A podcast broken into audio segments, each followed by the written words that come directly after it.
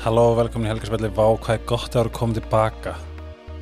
Fyrir ykkur sem ekki viti þá var ég í Tælandi. Ég, ég þurfti að taka upp þætti sem er fokkið fyndi ég vissi ekki að vera hægt að tíma þessi þætti en ég lærið það fyrir Tælandi. Ég tók upp svo mikið að þáttum á stöðum tíma og sem sagt tíma stilti þá. Ég veit ég er alveg amatjör þegar ég segi þetta en ég er búin að sagna svo mikið að vera inn í stúdiói og líka svona að fá að því að þessi þáttu feir bara inn. Strax svona búinn og hvað ég feina að vera komin aftur.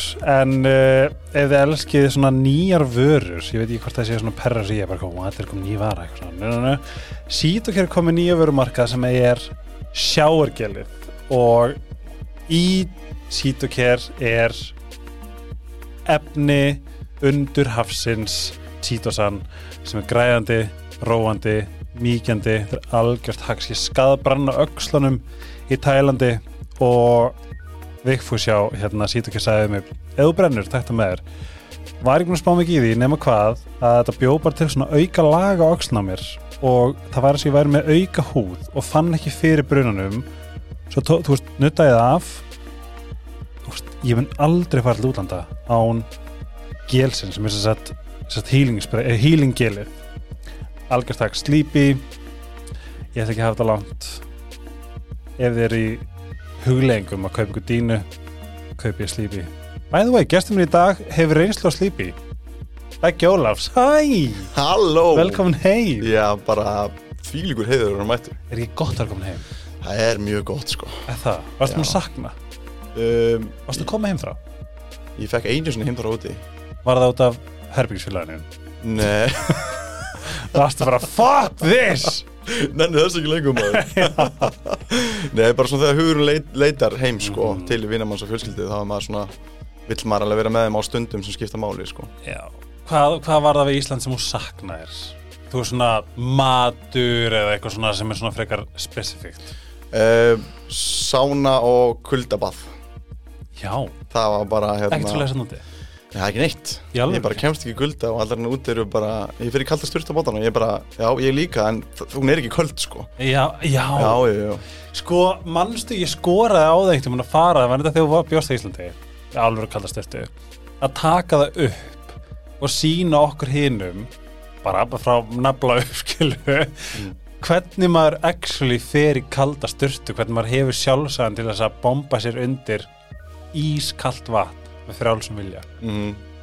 Það er svona sko, þetta er eins og allt sko, þú verður bara að byrja, byrja í smá skrifum sko, það er Mm. bara 10 sekundur og síðan eftir viku 20 sekundur og síðan eftir viku aðra viku Ég prófaði það, ég byrjaði að undir sekundur. Já, það er ískaltar og eitt félagi minn sko, hann sagði, hvernig getur þú svo lengi undir, hérna, undir sturtunni? Já, Þá var hann með hausin allan tíman sko, þú veist, ég er ekkert með hausin allan tíman þegar ég er undir sturtina. hvað ertu lengi?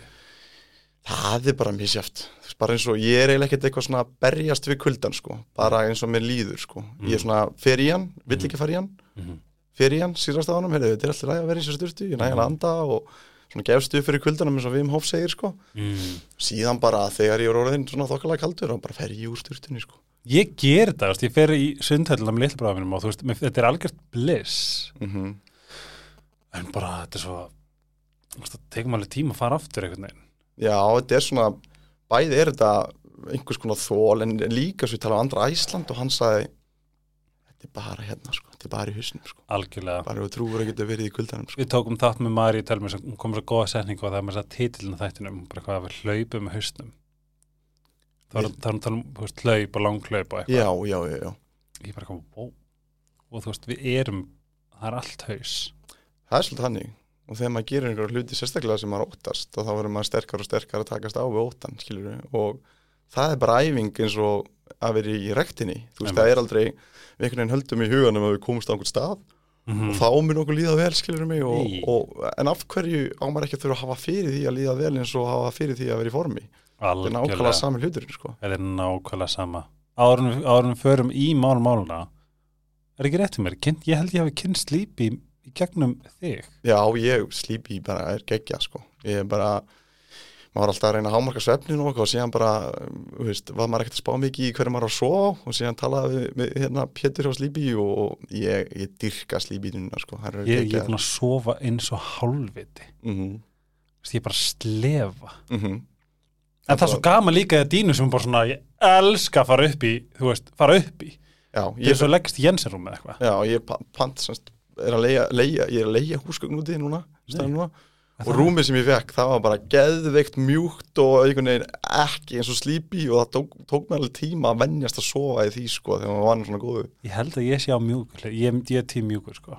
Já, það. Varst þú að hörðu dýnu? Já, ég svissi hann að, þú veist, við vorum með, við keiftum sko að fengum hérna tvær dýnur.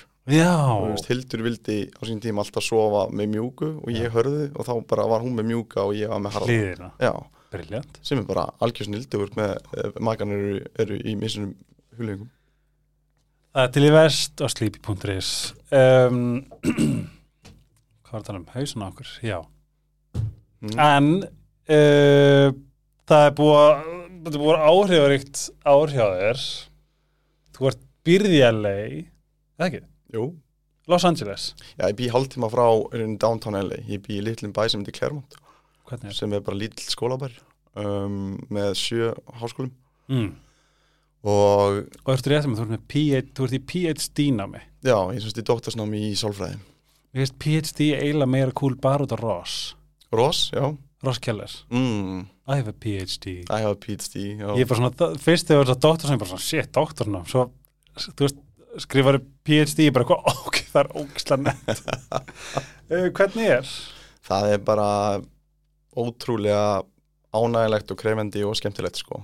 það er hérna, skólinn er erfiður, um, rosa þannig ég er að bæta mig rosalega mikið í því sem ég er að gera Mm. þannig að skólinn er rosalega góður, gaman að kynast fólki sem er að gera svipaða hluti, skilur hann er allir að læra hérna, jákvæða sálfræðan úti og það er ekkert mikið um hérna, það er allir bara að reyna að hafa áhrif á annað fólk og, og bæta heiminn og það er gaman að vera þannig umhverfi Mhm. síðan finnst mér bara ógeðslega gaman að vera bara, ég vissi ekki, ég kunni íslensku ég kom tilbaka og var að tala hana því ég bara var að tala ennsku og orðin bara miklu meira flúent í ennsku Mhm. og bara læra inn á heiminn sko, að því að þú veist, það er ó þú veist, LA og, og bandarækinn er ógeðslega divers, þannig að þú fær bara fólk með alls konar skoðanir, úr alls konar menningarheimum, alls konar þú veist, trúabröðum, þú veist, það var ein hérna sem er, sem er hérna kýðingur sem er með mér og hún var bara haldið á nýju ári í, á, í ágúst. Og ég bara byrju, er þetta nýtt ár bara svo þegar við erum með í janúar, hún bara já, nákvæmlega eins og þegar þetta er í janúar, það er bara nýtt ár. Og bara á svona hátíð, hátíðana voruð þá þeim tíma hjá þeim. Og mér svo, og mér finnst bara svo fólk finnst mér svo, á, svo ótrúlega áhugavert, bara já, þú sérð heiminn svona, Einmitt. gerir þetta svona. Ekki eins og við hérna frá í litla Íslandi, að við sjáum heiminn bara út frá okkur sem lítil þjóð og við erum svo lítil líka þegar við, maður kemur hann út, þessu allt svo Það ógeðslega stór röglega 300 manns í einhverjum með pínlillum bæjarnum fyrir utan Los Angeles eða eitthvað. Já, í rauninni sko. Þannig að ég vakna, ég er ennþá að því að sko, ég, held að við höfum rætt það svo gaman að ég sé að koma inn í þriðja skipti sko, að því að mér langar svolítið að hlusta líka á podcastina alla og sjá hversu mikið maður hefur kannski, ég veit ekki, bætt sig eða hversu mikið svona dýft kemur í samtölin. Mér er svo gaman að hérna, að fylgjast í rauninni með því mm og ég, já. Það er ég, sjúklega áhugavert, ég var að mynda að hlusta eða var einhverjum sem, sem sett í stóri eitthvað gamla þátt frá sko sambandslitunum mínum með eitthvað. Mm, þá haf ég ekki átt að með á neinu og var bara eitthvað já, erðu, nu, nu, nu, nu bara svona í einhverju algjöru dúllukasti vissi ekki neitt. Og svo fyndi að vera do við, við dokumentur á Instagram, við erum búin að dokumentur á Facebook það er ótrúlega að vera dokumentur að mm, hljóð og hvað við erum að hugsa og hvar við erum og hverjum, veist, á hvaða stað hverju sinni já, algjörlega og líka bara svona, ég vil þá lítið á þannig að ég vil lítið tilbaka Mhm. á, á viðtali mitt við þig fyrir áris að tveim árum síðan og það ráði fyrir tveim árum síðan fyrir það og bara já, vá, ég var bara þarna með þessar pælingar eða á þessum stað Einmitt. og vissi svo lítið í runni Mhm. og ég vona að verði alltaf þannig, ég vona að ég komi hérna bara reglulega Algjörlega. og þá alltaf, alltaf get ég átta mig á því hversu mikið ég vonandi er búin að bæta í sem ég geri en það sem ég ætla að segja er að veist, að tala um að kringustæður hafi lít, hefur rosalega lí, lítil áhrif á okkar hamingju svona í stóra saminginu Mhm. En þetta er eins og þegar við köfum okkur ný föt og svona, þá eru ánæði smá stund og svona ákæði flottur og hvað, og síðan er, er þetta bara voða basic eftir viku sko Einmitt. en að flytja út er svo stórt einhvern veginn, þannig að ég er ennþá á ég myndi segja bara, ég væri hamingu samar úti því ég er ennþá bara að vakna bara skælbrósandi af Ah. vera komin á nýjan stað vera að gera nýjan hluti, ég er svo Já. spenntur og ég vona að það ég reyni eins og ég geta að viðhalda því svona áfram, hann að ég er rosa ánæðan úti, að því mér finnst allt svo áhugavert og spennandi og mér finnst ég gera svo, vera að gera svo mikilvæg hluti og læra svo mikið og hann að ég sko Líka bara svolítið magnað að komi svona organik til þín skilur við. mm, Þau eru ekki að berjast, herri, ég ætla bara að jáka í dag, jáka veist. Það er ótrúlega magnað. Já, algjörlega sko hann er að það er bara eindislan úti saman hvort við tölum um bara að ég sé að vera betri í því sem ég vil gera í heiminum en líka bara hvað ég er að læra mikið inn á sjálfa mig sko Mhm. og hérna að því að maður fer bara út og maður kynnist bara fólki alveg eins og blank, blank state, nei blank state eða bara svo hreint, Blanks. bara eins og ef við orðum tabula, tabula rasa, bara eins og bara eins og blað sem er bara ekki búið að skrifa og þú Mhm. kynnist fólki bara á þeirra forsendum og það veit enginn, ég veit það veit enginn hvað ég geri og ég er ekkert að segja fólki, ég reyni bara frek, veist, ég reyni að geima að segja hvað ég ger á Íslandi og Einmitt. hvað ég hef gert og svona, svo ég fá að kynnast fólki bara gjössanlega pjúr eins og það er sko Einmitt. Það er líka svo áhugavert, ég mist ég þarf að sjá allt myndrænt og einhvern veginn hvernig við svona eigum til að allavega ég veist, að byrja nýjum kapla, á nýri bók eða, eða nýjum áfanga, skilur við það er svo fyndi líka að upplefa að byrji á byrjun þó er þetta langt komin í ferli mm er þetta ekki pínu svoleiðis? Jú, maður, bara, bara eins og maður sé alltaf að skrifa nýjan kapla í lífsögunni sko. Mhm. og síðan loka maður einu kapla og opna nýjan og það Mhm. er alltaf spennandi og hann getur verið allt öðru seldur en kaplinu undan og auðvitað tekur reynsluna og, og þekkinguna vonandi og mistökun sem hún gert á leiðinni til þess að nýta þær í að skrifa betri kapla sem kemur síðan í framhaldinu sko.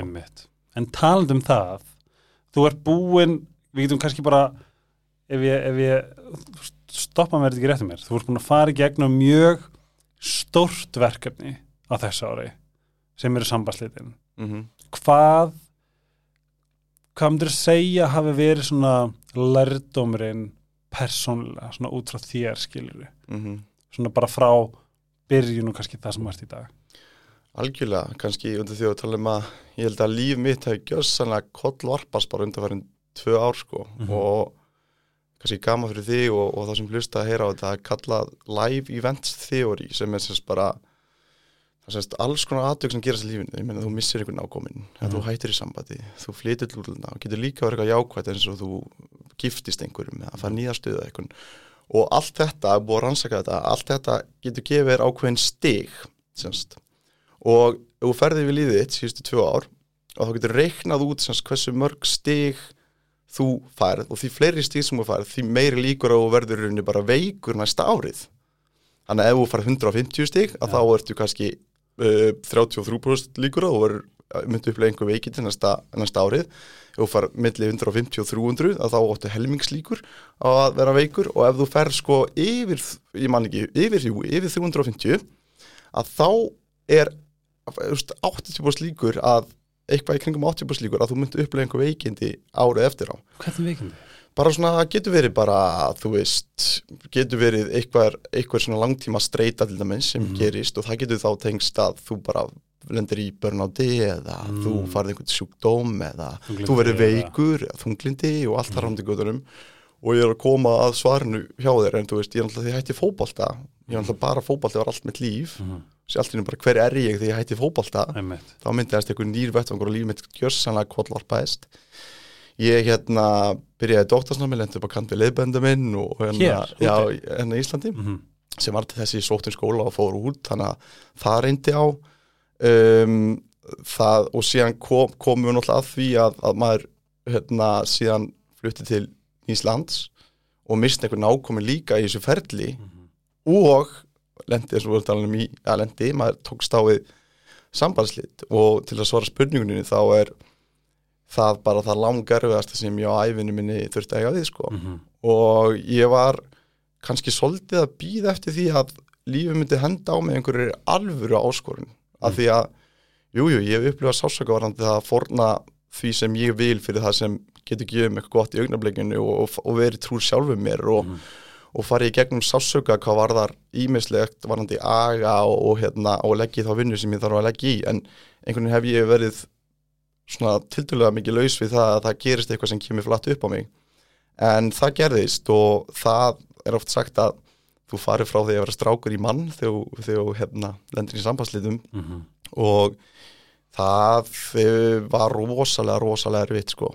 það hérna ég, af því að sko þú ser lífið með einhvern ákveðnum augum og búin að sjá framtíðina með einhverjum mannesku og búin að sjá ekki ljósi fyrir þessi mannesku í, í, í ó, ótrúlega mörg ár Mhm. og síðan allt í hennu bara hverfur það Mhm. og framtíðin sem sást fyrir þér og, og fortíðin sem átti með manneskuna hún er allt í hennu bara hvað er hún Mhm. hvað er að fara að gerast í framtíðin og lífið er einhvern veginn ekki eins og það er, það er öðru sér heldur en það var og einhvern veginn að ná að sættast við það er ótrúlega erfitt og en, en, en að sama skapi rosalega lærdomsíkt af því að ég fekk að upplifa meiri dýp, dýftir á, á mannleiri tilveru og sásuga, alvöru sásuga þú veist, bara nýstandi sásuga sko Mhm. og þá geti tengt líka við bara veist, þegar maður lendir í einhverju erfiðu skilur þá geti tengt við það af hverju sko, af hverju fer fólk og trubla sig frá erfileikunum skilur af hverju er fólk að vinna mikið eða fer sig. deyfa sig með, með mat eða símanum eða eitulifjum eða áfengi og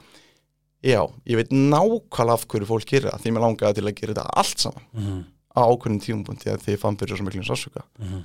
en þá kemur það þeirri vinnu sem ég er held ég búin að gera síðust ár sem, sem fjallar um kannski skref eitt í bókinu minni nýju búið undir baróttu að ég held ég að hafa búin að búið til svo góðan grunn fyrir mig sjálfan í svo mörg ár að ég var með verkfærin til að eiga við það. Og það hjálpaði mér rosalega mikið að komast úr sásuganum ekki það að ég leiði mér að, hef alltaf verið þannig að ég hef verið þannig að ég leiði mér að finna til.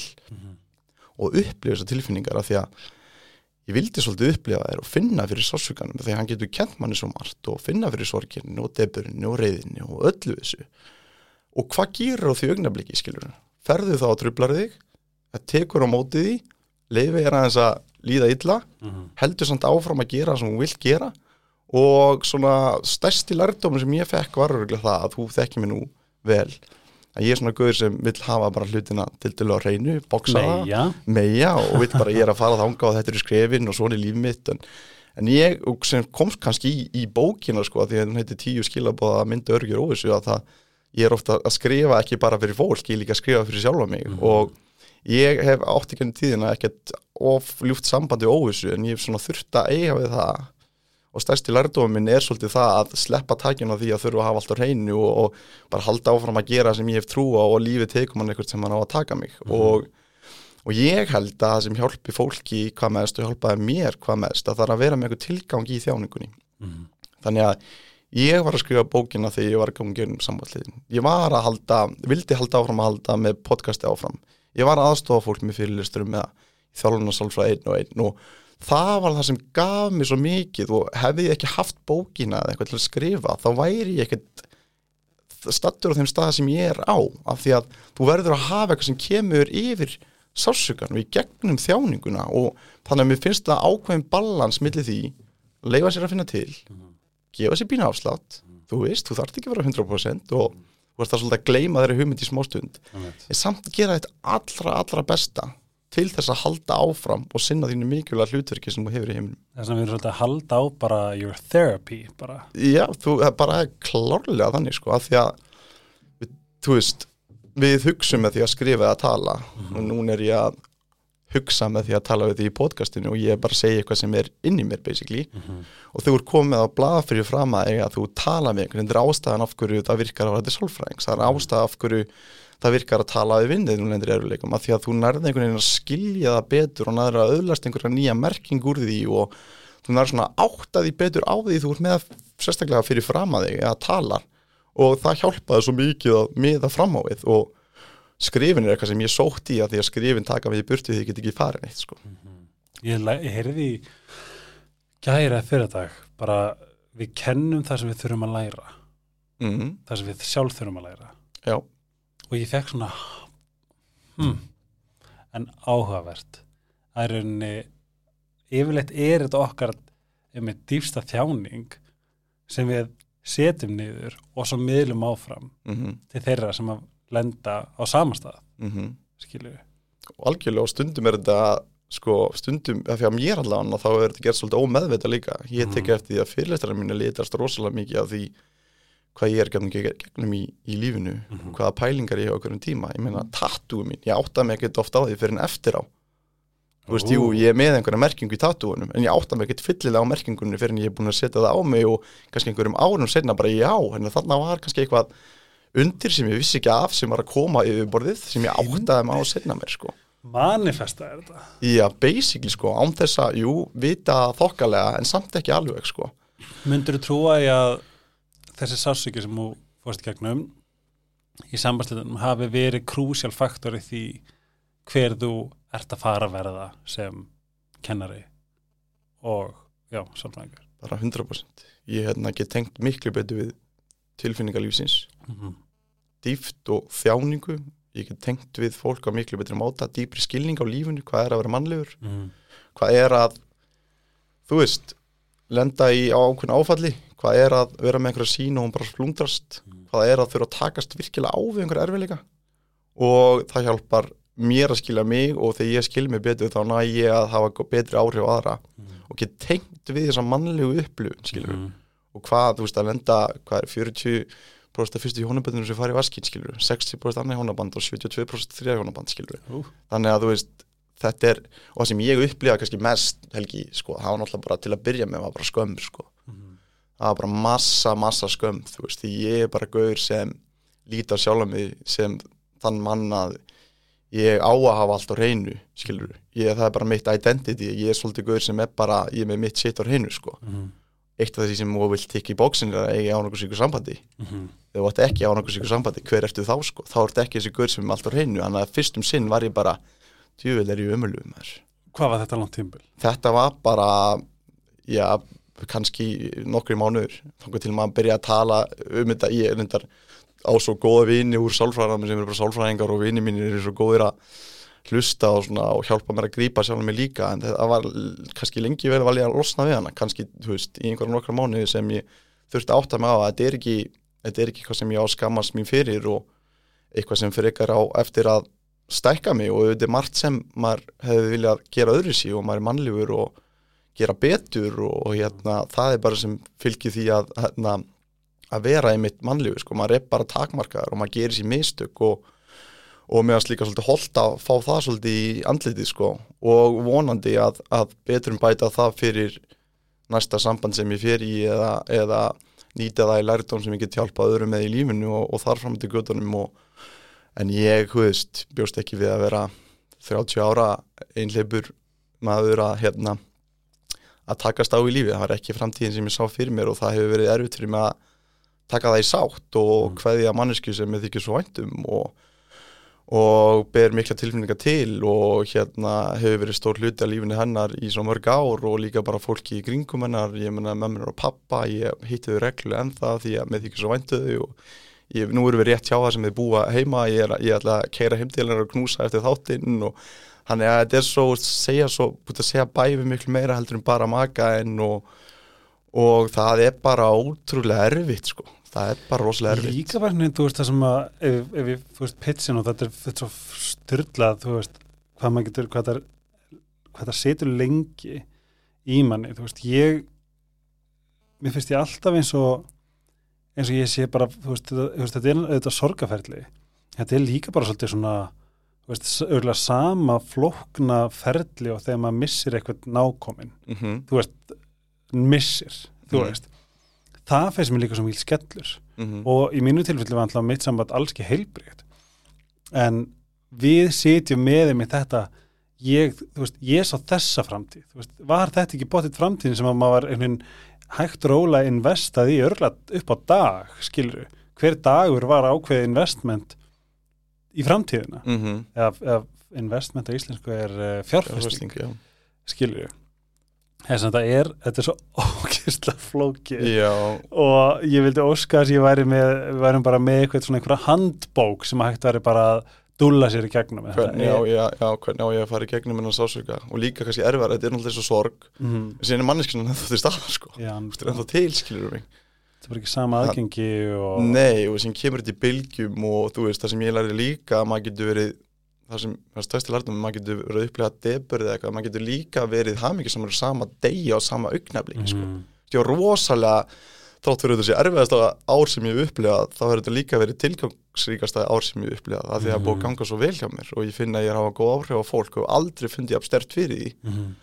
Og mér finnst það svolítið magnuð að þú veist, einn daginn getur þú bara æ, milli sko, getur verið mínútu skiptir. Þá getur þú bara verið hæstu hæðum og síðan bara lengst yfir kjallarnum og eins og við tölum um fyrir þáttinn að maður getur haldið að maður sé bara í ókislega góðum gýr og maður er bara í toppmálum og síðan bara er maður neldur niður á einhverju augnabliki þú skoðar eitthvað þú veist, eitthvað gamalt story sem er í highlights eða þú skoðar gömul skilabóð eða þú, þú hlustar okkar lag sem minnið á manneskuna þú, það er einhver hluti sem þú gerir sem minningan með manneskunu kemur upp og þá fyrir maður að skoða meira og meira og allt í nema bara enda maður bara, maður er bara all, allur í, í tárum að, að bara, að bara á gólfinu heima á sér og bara en kannski hálftíma áður varstu bara skellil hegandi og brosandi og lífið Mhm. bara indislegt sko Þetta er svo fucking flóki dæmi ég veginn bara svona ég, ég segast þetta hjá mér er þetta tvö ár og þú veist, í mínu tilfelli var þetta meira þess að bara óheilbriðt samband samt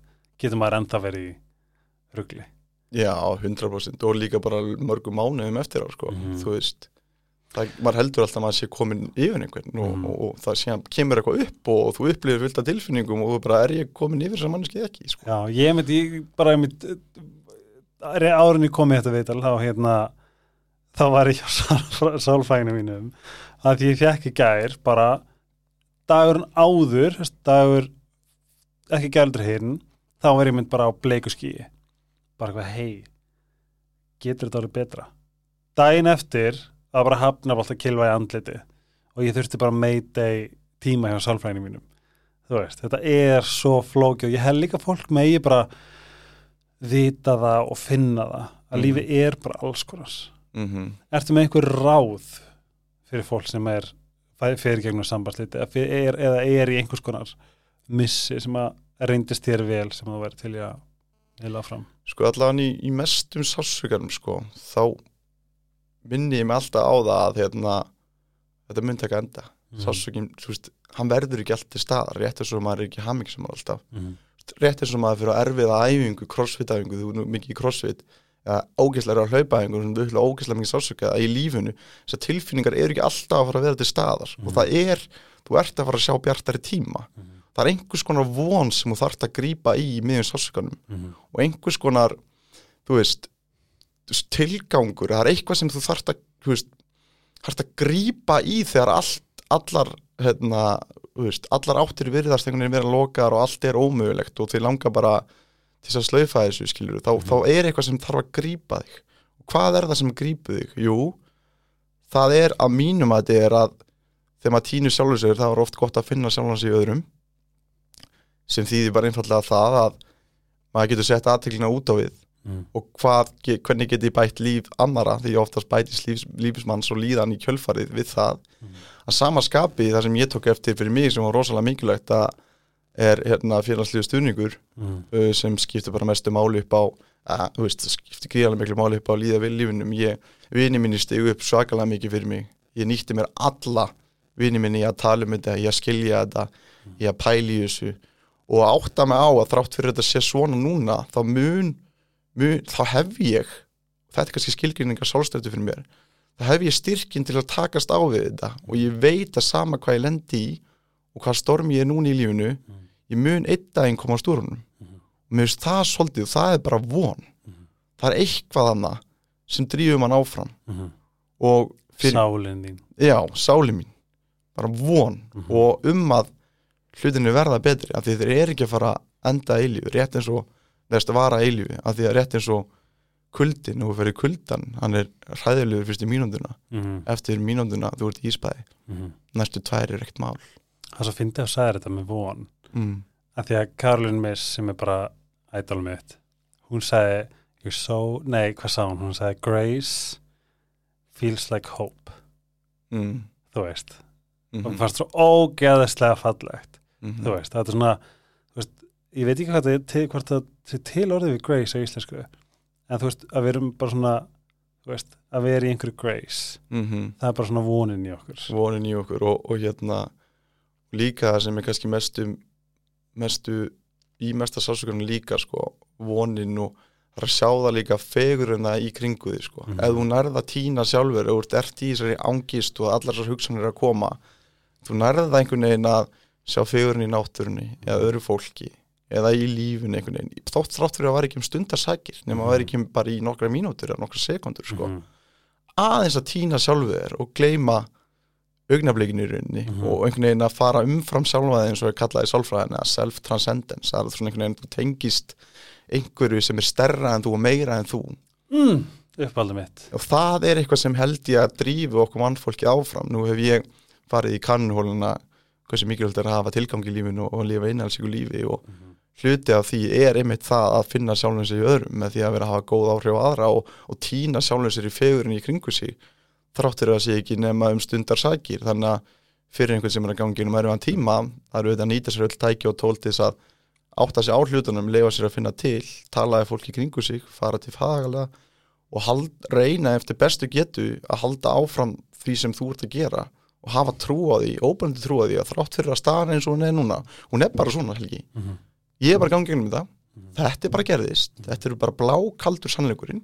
Ég er að upplifa þetta en það er ekki þar með að segja að ég hafi ekki styrkin til að komast úr því þetta daginn. Einmitt. það fyrir mér er grace. grace, von sjálfströst, það er að líta blákaldar á sannleikan Mhm. en samanskap hafa trú á því að þú munt hafa hæfnina og getuna og skilningin í að tímanni verða betri, verða öðruvísi en verða betri og þú verður vonandi þroskaðar einstæklingurinn Mhm. sem kemur út úr því einn daginn. Eins og við segjum þetta offer þetta er svo bara með við brjótum vöðvan okkar til þess að stækka á. Mm -hmm. og japansk keramík þegar brotnar þá er sett gull. Minnstrakjaði, og hversu, hversu fallit verður fall með gullin á að því að, það er kannski ekki svo að var nei, ekki og það var. stærra og sterkara. Í fyrri bókinu mín talaði alltaf um gamla begga og nýja begga sko. mm. en núna er beggi 0.3 já, bara 0.3 sko, og hérna af því að það var margir sem sögum beggi þú, já, þú maður er að þekka það sjálflega nýtt hún er í sambandslitum Mhm. ég er bara, hvað fucking bullið það Mhm. ég er bara, ég veit alveg hver ég er og ég er búin að vinna minni vinnu og ég er að gjör breytast Mhm. F- finnst þér egoið þetta hafa breyst um, já, Mhm. öruglega, ég er meðvitaður um það Mhm. miklu meðvitaður um það og ég var kannski veist, ég var að reyna að vera eins góður og ég gat fyrir makan minn. Mhm. og ég reyna að gera það en ég týndi kannski sjálfur mér í liðinni. Ég týndi gamla kórbegga sko. Og í þessum tíma var ég líka að læra sálfræðan og var að passa mér rosalega að gera allt rétt. Mhm. alltaf að hlusta rosalega vel. Allt, aldrei vera ákveðin fyrir ekki að leifa öðrum að einhvern veginn að fá öll tækifæri. Ekki taka pláss í samræðum að því ég var sem gæðin sem hlustar og Mhm. alltaf að vera kurteis og aldrei segja einhverja, einhverja eitthvað grín sem fer yfir strikið og, og ég var bara orðin svolítið leiðilegur helgi sko, held ég svona, ég, Er það að tala meira svona boring? já, boring svona, Já. svona, svona, ég var ekki lengur einhvern veginn ég var búin að týna einhverjum eiginleikum við mig sem er hlut, var, sem ég held að vera í hluta nýja beggi og var í betri beggi en sem var í rauninni gamli Já. en ég er búin að taka svona samblöndin á þeim tveimur og færa í begga begga hérna uh, 3.0 eða 0.3 eða hver- hvernig sem vilt kalla 3.0 er 3.0 þetta. kannski frekar og mér finnst hann bara já, miklu betri útgáfa af mér sjálfum sko Beggi 3.0 hefur líka svona hristaðins í líðnum eins og, eins og við höfum tekið eftir. Hvar, svona, hvar, hvar stendur þar í raunina? Því að þú svona, það er eins og þú sért örgari, þú veist, þú, þú stendur og fellur svolítið með þér. mm -hmm.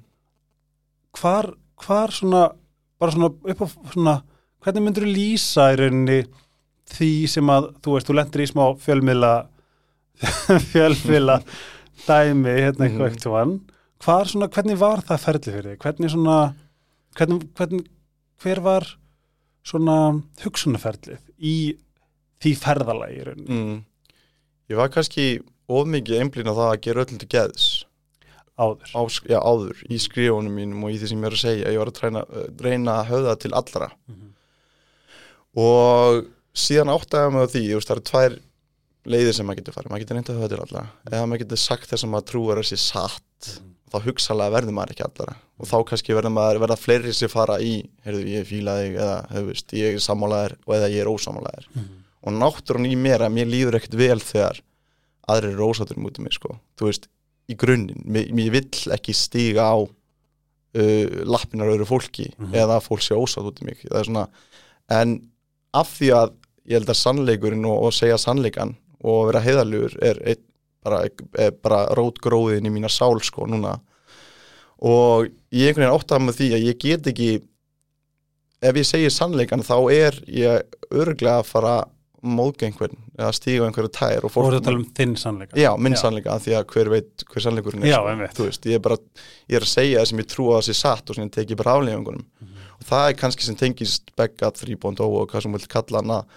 Beggi hefur alltaf verið ákveðin hann hefur alltaf verið þróskur, hann er alltaf staðið á sínu og það var ég búin að týna. Ég hugsa bara meja Já, veist, og ég var búin að týna því Já, sko. og ég fann það aftur og, og e, varðandi þetta fjölmulega fór sem fór, þetta er bara þannig þessi klippur sem við tökum út á Instagram Mhm. þetta er voða einfalt, Mhm. þetta er ekkert einfalt. Þetta er þannig að við förum í 2-3 tíma. Mhm. ég tek með mér nokkuð föt. Mhm. og síðan er einn hver á kamerunni Mhm. sem heitir Siggi, sem er gongurinn. Sigurður Dagur, já, er það ekki?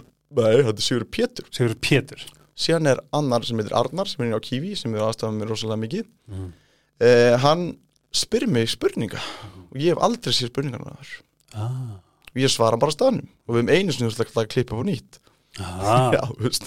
þannig að þarna spyr hann mig ákveðna spurningu Mhm.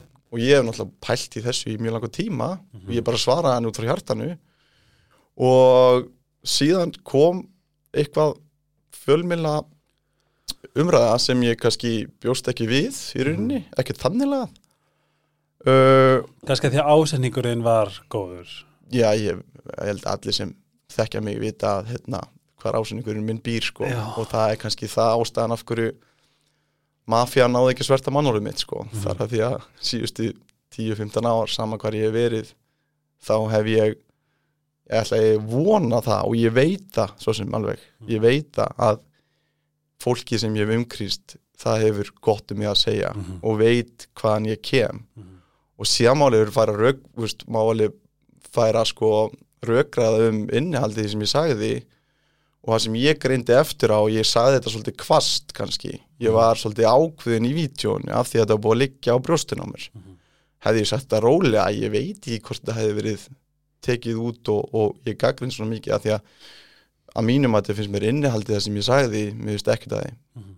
það er mín skoðun og en hvernig ég sagði að ég geti kannski farið svona rólegra að því og Mhm. þá hefði ekki farið upp í svona loft en ég ætli í sætti mér bara ekki við það helgi að fólk er að fara að miskila mig Mhm. fólk er að fara að segja sem ég varst áhuga að verast í þessar umræðu sko, fólk að búa til einhverja merking úr því sem ég sagði sko, Mhm.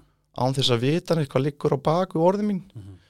Og að sko segja hvað ég var að meina með mínum orðum og taka það úr samingi taka lítið brot úr klippunum minni Einmitt. bara til þess að grípa mig sko og það er með líka svo mikilvæg punktur að þú veist, núna í dag, þetta er svo fyndið ég er svolítið búin að taka kannski líka bara í FM, mér finnst vanta svo mikið í okkar nútíma samfélagi, samfélagi þú veist, að við fáum að vera að, þú veist, það er alltaf hoppa beint í stimpla og einmitt eitthvað svona frekar alvarlega, alvarlega stór orð veist ef, ef, ef, ef ég hef sett eitthvað á Instagram veist, og ég vissi ekki betur en það er líka því ég vissi ekki betur mm.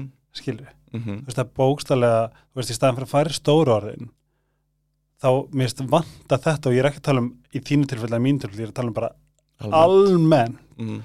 að, að þessi komin stóri stimplar út frá því, ég meina, þú veist, tölum bara um nú veit ég, nú veit ég hellingum til dæmis, hvernig er. Mm. og þetta er eitthvað sem maður bara maður má valla að tala um einhvern veginn, en það er bara út frá því ég á tvo ótrúlega góðu vini og ég er ógæslega forvitin, mér er ógæslega forvitin. En svo veit ég ekkert um aðrar trú, trúar, þú veist. Ég veit hvað kristin er og, og eitthvað svona skilur þetta er eitthvað svona, svona málefni sem er svona uh, hvað get, þú veist, ekki vera að tala um þetta eitthvað svona, en ég fæ svona, en byrju, má ég ekki vera fáfráður mm til þess að veita meira -hmm. skilur, í staðin fyrir að fara alltaf að höggva í, í hérna árásir þú veist, erum við ekki, þú veist vantar, fyrst, þú veist, vantar ekki í samfélagi okkar að við erum að hjálpa hvert öðru að vita betur, fræða bara yfir höfuð, vera þú veist, já þú veist, er það ekki? Þú ert að tala bara í, í stóru í- myndinni. Já, þú ert að tala líka bara um skil upp á tíu bókinu minni sem heitir Horfði í augun á fólki. Mm. Sem er í rauninni það að hérna, ég er alveg sammálaðið tíu skilabóð til að skapa örgi úr óvissu. Já, að því að sko þegar þú segir það sem sér það er svona villi að flestir tala sín sannleika Helgi Mhm. og hafi auðmygtin í þá að breytum skoðinu svo segir sko. Því er óslega góðu punktur hér núna þegar, þeir augun að þér. Já, að því að sko hvernig, við vorum að tala um að maður skilur sjálfa sig og lífið með því að tala eða skrifa þess vegna verður að þóra að segja sannleikan Mm. en þú verður líka þóraði að hafa auðmygtina heyrðu, ég hafði bara svolítið rámt fyrir mér, ég hafði Mm. þessa skoðun um ég veit ekki, veist, það getur verið ákveðið málefni í samfélaginu uh, og vera forviðin og spyrja spurninga og Einmitt. segja sína skoðun og segja bara, heyrðu, já þú veist, ég allt í henni fekk þetta eins og ég er að læra marga menningar heim úti, svona er svona er þetta og þá og þá uppfari ég sjálfa mig, ok, Mhm. ég hafði þessa skoðun kannski fekk ég nýjar upplýsingar, ég hef hann ennþá. Mhm. kannski fekk ég nýjar upplýsingar og þá getur bara breytt henni. Mhm. mér finnst það svo aðdánverð þegar sé fólk bara ég var með þessa skoðun, ég var að lifa þessu lífi að gera þetta. Núna einhvern veginn fekk ég nýjar upplýsingar inn í myndina og ég einhvern veginn sko skildi sjálf á lífi upp og nýtt. Já, það er svona svo alvarlegt þegar koma utan að koma til svona ógeðslega harkaleg stór orð sem eiga þá að vera einhver stimpill, mist það baka mig mm, í svona hvernig, hvernig þú veist, ég var hefur, var kallar um daginn bara eitthvað, eitthvað helluðu orði sem ég bara eitthvað neginn, ég vissi ekki hvað var og vissi ekki neitt og ég bara, eitthvað, veit ég, ha, bara hvað hvað þýðir þetta og, og eitthvað svona og þetta svona böggaði mig að þetta, þetta var svo ekkert í kringum ásendingi minn og hvað ég er raun að vera að gera mm, þú veist, en svo er það fullt af fólki að núti sem að tengja þetta orð núna um mig mm, sem að getur ekki staðist þú veist, minna mm, raunveruleikan það er svona að þessu leiti pínu hella. En þinn ásningur var og er góður og sem viðnun veit ég það og við ætlum að fara í ölsingar Nei, þjók, við ætlum að fara eldsnögt yfir í Ice Herbs og Dr. Teals þið verða að taka sévitaminin ykkar. Uh, það er mesta hags í heimi sérstaklega núna með kuldanum og öllum flensunum sem eiga uh, til maður sprett upp. Turmur ekki snild fara inn á iceherbs.is þau eru alltaf með einhvern tilbóð fylgið þeim á Iceherbs Icelandic Supplement á Instagram. Þar sjáu þið, þið getur líka gripið með ykkur í bónus og bónus hjá oh my god, IKEA. Er ógislega flott, þar er hillan geggju, það er ógislega mikið til þar. Ef þið leið þar hjá þau eru með allt frá rauðróum, krækjubur, mjölkur, þistla, astasathin, D-vitamin, burnirót, neymit, uh, svo þetta er allt íslenskar rætur, þess að get ekki verið betra að Dr. Teals ef þið bað þá verðið þið að baða ykkur í magnesium. Magnesium er hægt rólega verða held ég eitt mikilvægasta svona, hvað er þetta, svona supplement eða svona, hvað getur kallað þetta?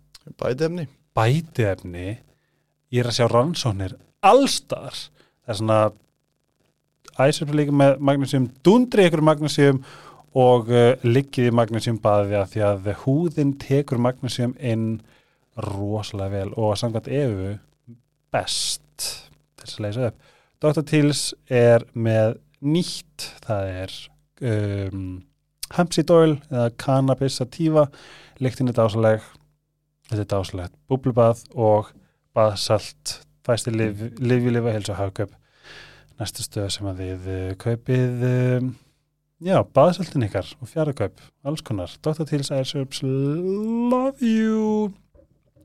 Yfir í já, eitt sem ég ætla að spyrja og hann ég gleymi því. Já þú, það, er svo, það er svo áhugavert að í rauninni, að þér, mér finnst alheimurinn virka svo skemmtilega. Ef þú held ég, þú veist, þú talar um að þú ert bara frekar svona struktúreraður, vilt hafa hlutina svona svona hérna og svo að þú talar um skömmina og skömm er svo áhugavert að tala um og spá í að því ég held að hún dekki bara sko víðanvöld og það er endlast að spá í því. Um, og þú sagðir sko að það hefði verið faktor.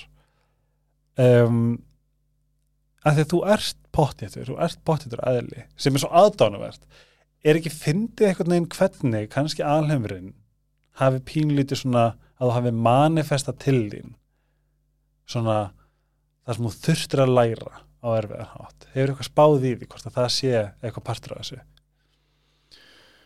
Já, ég, ég vona það allavega Mm -hmm. að lífið það sé bara hérna, að ég haldi að ég var í poðiður og síðan Mm. bara herði, boy, you were wrong sko, henda ykkur sprengju hana fyrir að eiga við sko Já.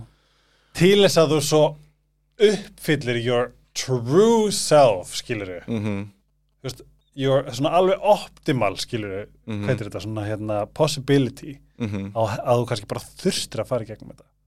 Já, ég vil trúa því Ég líka. Ég vil, En fyrir þú mig. Já, þú veist, ég held að sé að veist, eins og það er svo vinsalt fyrir marga grípi allt gerist fyrir ástæð en það er alveg skilur ef það gerist ekkert fyrir ástæð þá er þetta svolítið fókt sko. Þannig að mjög finnst alveg gott að trúa skilur og mér finnst gott að trúa því alltaf þegar ég lendi í einhverju einhverjum erfileikum að þá sé frátt fyrir að sé sásukafyllt og ég vil ekki heyra eitthvað að ég að læra í því miðum sásuka en ég vil Nei. samt hugsa er það er eitthvað að fá út úr þessu. Mm þetta er að gera mig sterkari skilur, þetta er að gera mig aðeins öfluri skilur, og nú er bara þess að reyna á þig beggi sko. Þetta er Í- góð úr- punktur ef einhver er að gangi gegn sambandsleit og segja hei, þú ert bara, þú kallar þetta bara til þín. Þú veist, God, maður fæði bara svona, herri, fyrir ekki að fokka þegið og þér. drullar og mínu hugsun, sko. Þú veist, kalla eitruð í ákvæðinni sko. þetta er bara, þú veist, svona, herri, bara býtt á jakslinn og það eru margir fiskar í sjónum og Já, sem ég fekk algengt sko, og sem fólk, og fólk er náttúrulega bara Það sitt besta besta, já, já. Já, þið voru allan ekki komið börn og ég bara, æ, fokka þér sko. Já. Fokka þér Ég, Þetta er hérna- bara svona vinsaleg ráð frá. Já, en þú veist, oft sko því ég, Vigfús Bjarni, sjúkrarásprestur fyrir hann, hann er frendi minn og hann er unnur erfiðustu aðstæðum, veist, bara vannar þetta alltaf í tengslu við dauða og mjög oft óvæntan dauða og, og bara uh, unni í rosalega erfiðum aðstæðum. Mhm. og hann tala um að þetta var gulli sko. Það er að tengja við fólki í miðum eruleikum það er ekki að byggja um að það er ekki að byggja um kannski Ráð. alltaf um ráð eða að þú er að hugsa jákvætt eða hugsa löst stundum, stundum er ég bara að koma til þín helgi ég er bara að tala, Einmitt. ég vil bara að þú tengir við mig sem mannvera Og punktur. og punktur, Já. bara herðu þetta er umulegt að þetta sökkar Mhm. þú veist, ok og síðan, þú veist, síðan er ég búin að vera aðeins að hugsa sko, Mhm. en hvað gerir maður ef einslingurinn er að kvarta á sa um sama hlutin eftir langa tíma Já. þá er ég, heyrður um mig Það- væri ég til í að fá þarna þarna Einmitt. ég til í að fá beggi rífðu því í gang Já, og líka svona hvað vant, þú veist, það hefur greinlega vantað upp á eitthvað allan tíma ef þetta er ennþá í gangi. já, þá kannski finnst mér ekki rétt að vera alltaf bara, heyrðu, þetta er allt í góðu út frábæri eins og stundum er það bara, heyrðu já, ég held bara að þú getur gert betur sko Já. ég væri til í að fá það ég var að koma til þín bara í 17. skiptið og tala um eitthvað vandamál sem ég ennþá tekist á við Mhm. þá vil ég ekki ennþá fá skilning Nei. þá vil ég bara fá, heyrðu, beggi shape up, Mín regla að segja við fólk, viltu ráð eða eira? það er svo gott Já, það fær fólk bara valið, bara eitthvað, ég vil bara eira. Ég er bara eitthvað, ok, let's go, og þannig er þú raunin að spyrja fólk hvernig lítur stuðningu frá mér út sko. Já. er það bara að hlusta og vera með þér Já. vera með þér í sásugunum, Mhm. þú veist, ég er tilbúin til að fara með þér í hann Uh -huh. Eða er það bara, heyrðu, viltu fá eitthvað sem ég er að hugsa virkilega núna sem ég gæti gert og hugsalega gæti aðstæðan að vera betri og þá líka að því að við streytumst á móti ráðum, ég myndi segja núna Helgi bara drullaðir í, þú veist hættu þessu væli og farðu bara í kuldan og bara farðu í hann og bara gerðu það Ég er eitthvað svona, nei, hætt þú bara að vera hérna Já, lá, lá. en ég myndi segja bara eitthvað hérna, en þú myndi byggja mig bara, heyrðu, Beggi, ég ráð fyrir kuldanum. Ég myndi segja við, já, þú getur byrjað smá og bara, Mhm. þegar efansindu reyndin að koma í hausinn, bara gerðu það samt og eitthvað svona, þá maður eru miklu móttækleri fyrir ráðinu Ég væri líka til að segja Beggi segja það sem ég vil ekki ah, ok. ég vil það allavega, því að það er svo margt sem ég veit ekki og sé ekki og einhver bendir mér á það og veist, ég þarf ekki að taka öllu veist, ég get greint líka bara ef þú segir mér eitthvað sem, ég fíla fólk sem segir mér hlutina alveg eins og eru um en ég ræð því líka enda dagsins hver, hvað ég tek til mín Mhm. hverju ég breyti í kjölfarið og hver, hvað ég tek ekki til mín Einmitt, skil, en er ekki sammála? Að Það er bara ógæslega það held að vera komið þanga já, Geta tekið, þú veist, e, tvö af tíu ráðum. Já, þegar ég, þú veist, tíu ráðan eru bara ekki relevant akkurat núna en þessi tvö þarna voru geggjuð. Takk, Mhm. Og ég ætla að taka þau og gjössalega bara fylgja þeim sko. Já, bara spólaði upp. Þetta er sko, það kalla autonomy í sálfræðinni, það er svona, við þurfum að fá ráða sjálf, ákvaða sjálf hvernig við gerum og hvað við gerum sko. Mm. og þetta er líkil til að líða vel og öðlast innri kvartningu og fyrir fólk bara alls staðar í lífinu. Hvað, ég þarf þetta, hvað særum með hvaðningu Eh, innri kvartningu já, kottum við dreifir- hana. Hvað ger ég maður fokka maður Það er allan að samkvæmt sálfræðinni, þá er það að hafa autonomy.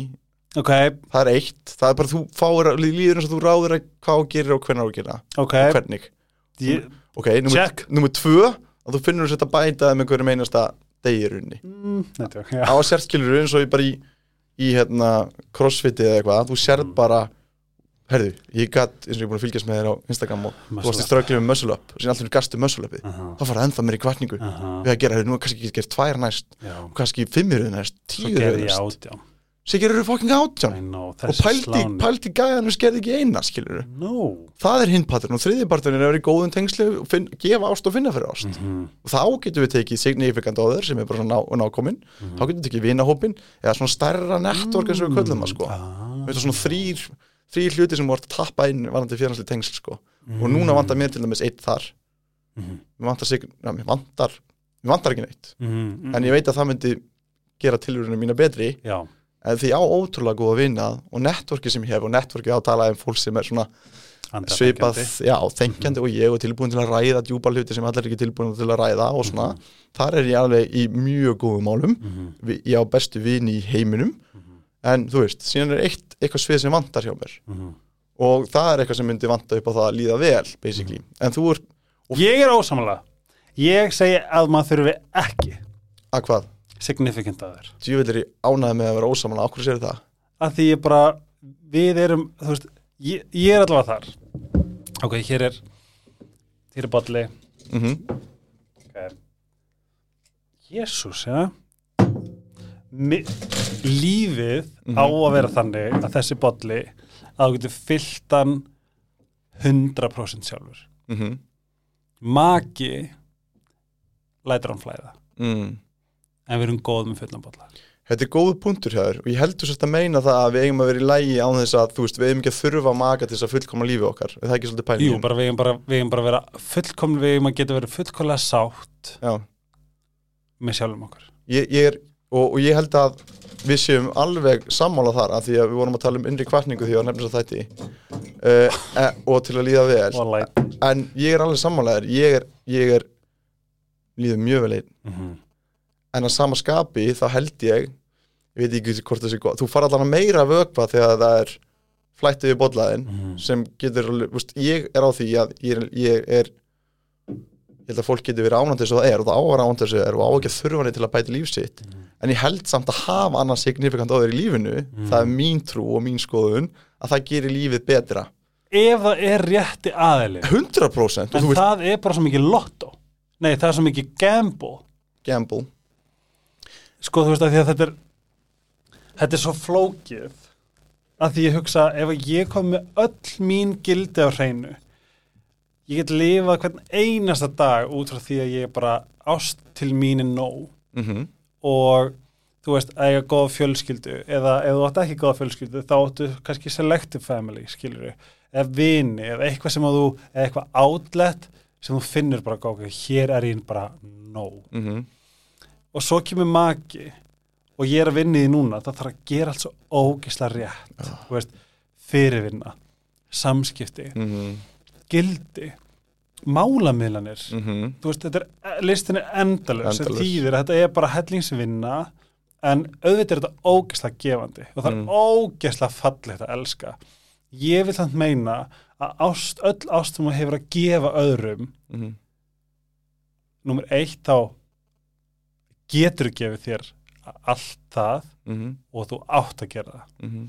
Þegar þú ert komið þangað, þú ert farin að geta elska þig svona harkalega þá verður hún bara meira og meiri og þá getur þú gefið hana skilur við, Mhm. af því að mér finnst svo oft sem að vera fjárf, þú veist, við erum að þú veist, þetta er svona eins og svona þú veist, mælir og þú veist, ástum kemur að innan en þú verður að, þú mátt ekki gefa nú frætt Mhm. til þess að mælirinn skiluru halda áfram að fyllast og þá ert að missa þig mhm, skiluru, ég bara henni fann að ég er ekkert okkur, ég fann 110% pjúra bliss að vera einn. Mhm, og að þegar ég fattaði ég get elska sjálfa mig jafn harkalega og innilega og ég elska maka minn. Mhm, það fyrir mér var bara svona uppljómun sem ég bara sem ég bara nærist á. Mhm, og ég finna líka að ef ég fer að fara fram úr mér eða fram hjá gildunum mínum fyrir hinnaðilan þá er ég að svíkja mig mhm. þetta er svo, þú veist, Já, hvernig finnur þú svona maka? algjörlega, og, ok, þetta er frábær spurning Mm. sko, og ég er sammálaður, ég frekar út af því ég er ánæður með lífið sem ég á núna hann þarf að vera helvítið góður maki. hann þarf að vera að Mhm. bæta soldið miklu á borðið mitt Einmitt. til þess að ég hleypa hann í lífið mitt Mhm. þess vegna er ég, hef svo sem alltaf verið svolítið piki, Mhm. af því að frekar verði einn frekar en að hafa einhverja mannesku með mér í liði sem ég þarf að sveigja frá mínum gildum Mhm. og ég þarf að forna of miklu fyrir það ást sem ég hef að sjálfum mér. Mhm. en hvernig finnum maður rétt að makan helgi ég held að spurningi sé raung hvernig verði ég makin sem aðrir vilja finna? Og kallar hann svo til þín?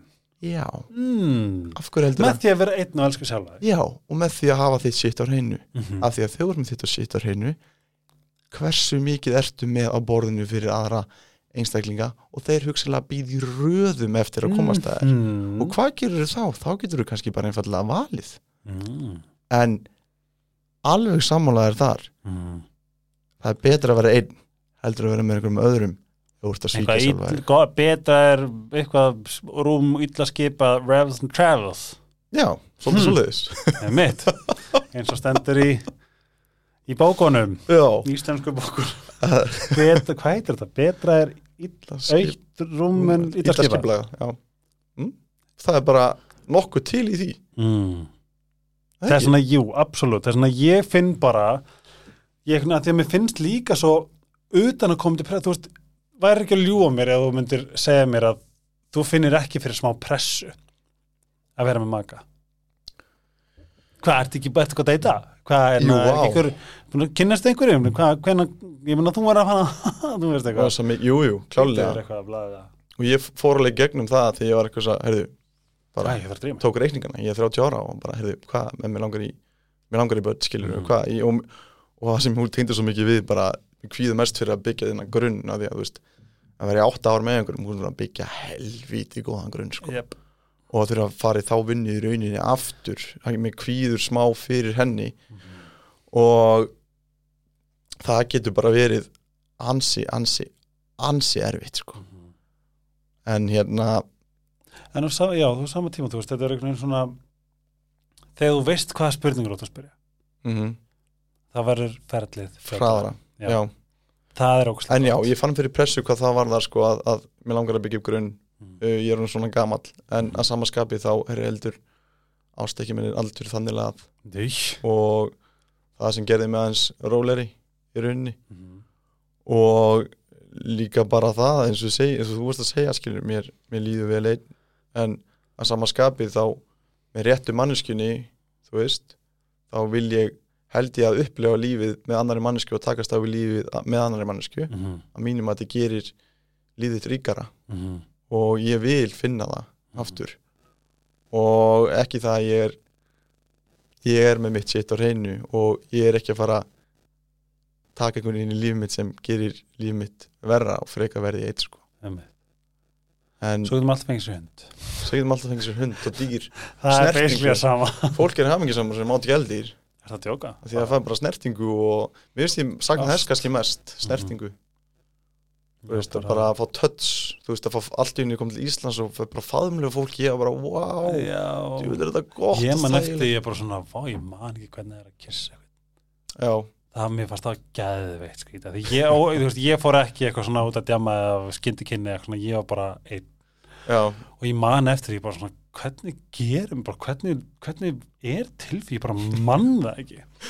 Og þess að kissi maður eitthvað bara svona, já, það var svona já, já, þú veist, en ég tengir rosalega mikið að það mér finnst að, mér finnst að mér núna sko ég einhvern veginn bara, heyrðu, hvernig á því ég er búin að segja við vinni mínu bara, heyrðu, það er mesta martur núna að verða breyt sko og bara, heyrðu, hvernig gerum maður þetta alls bara, þú veist, ég er bara okkur í byrjunréttina bara búin að vera í samband í átt ára bara, þú veist, hvernig Hvernig fær maður að date? Já, bara hvað maður að gera og hvernig maður að haga sér og hvernig, Mhm. þú veist, spyrir maður fólk og hvernig er leikurinn í dag og ég er ekkert, mér langar, þú veist, mér finnst ekkert rosa spennandi að, að fara á einhverju update, sko, mér langar einhvern veginn að hitta ég, mannsku. ég var alveg, ég var nákvæmlega ég bara, ég bara, ég kunni þetta ekki bara svona, uh, hvað hérna pff, hvað, þú veist, svo bara gafst bara upp og enn á sama tíma þetta er alveg rétt það sem ég sagði á hann alheimurinn er svo fyndinn og magnaður Þú veist, hann er bara, þú veist ef að þú ert að læra að vera ógislega góðu við þig og elska sjálfa þig og setja þig í fyrsta sæti og taka ákvörðin sem að benefita þig bá.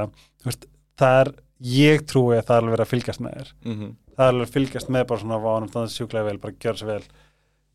Cue the perfect partner 3, 2, 1 bomb Mhm.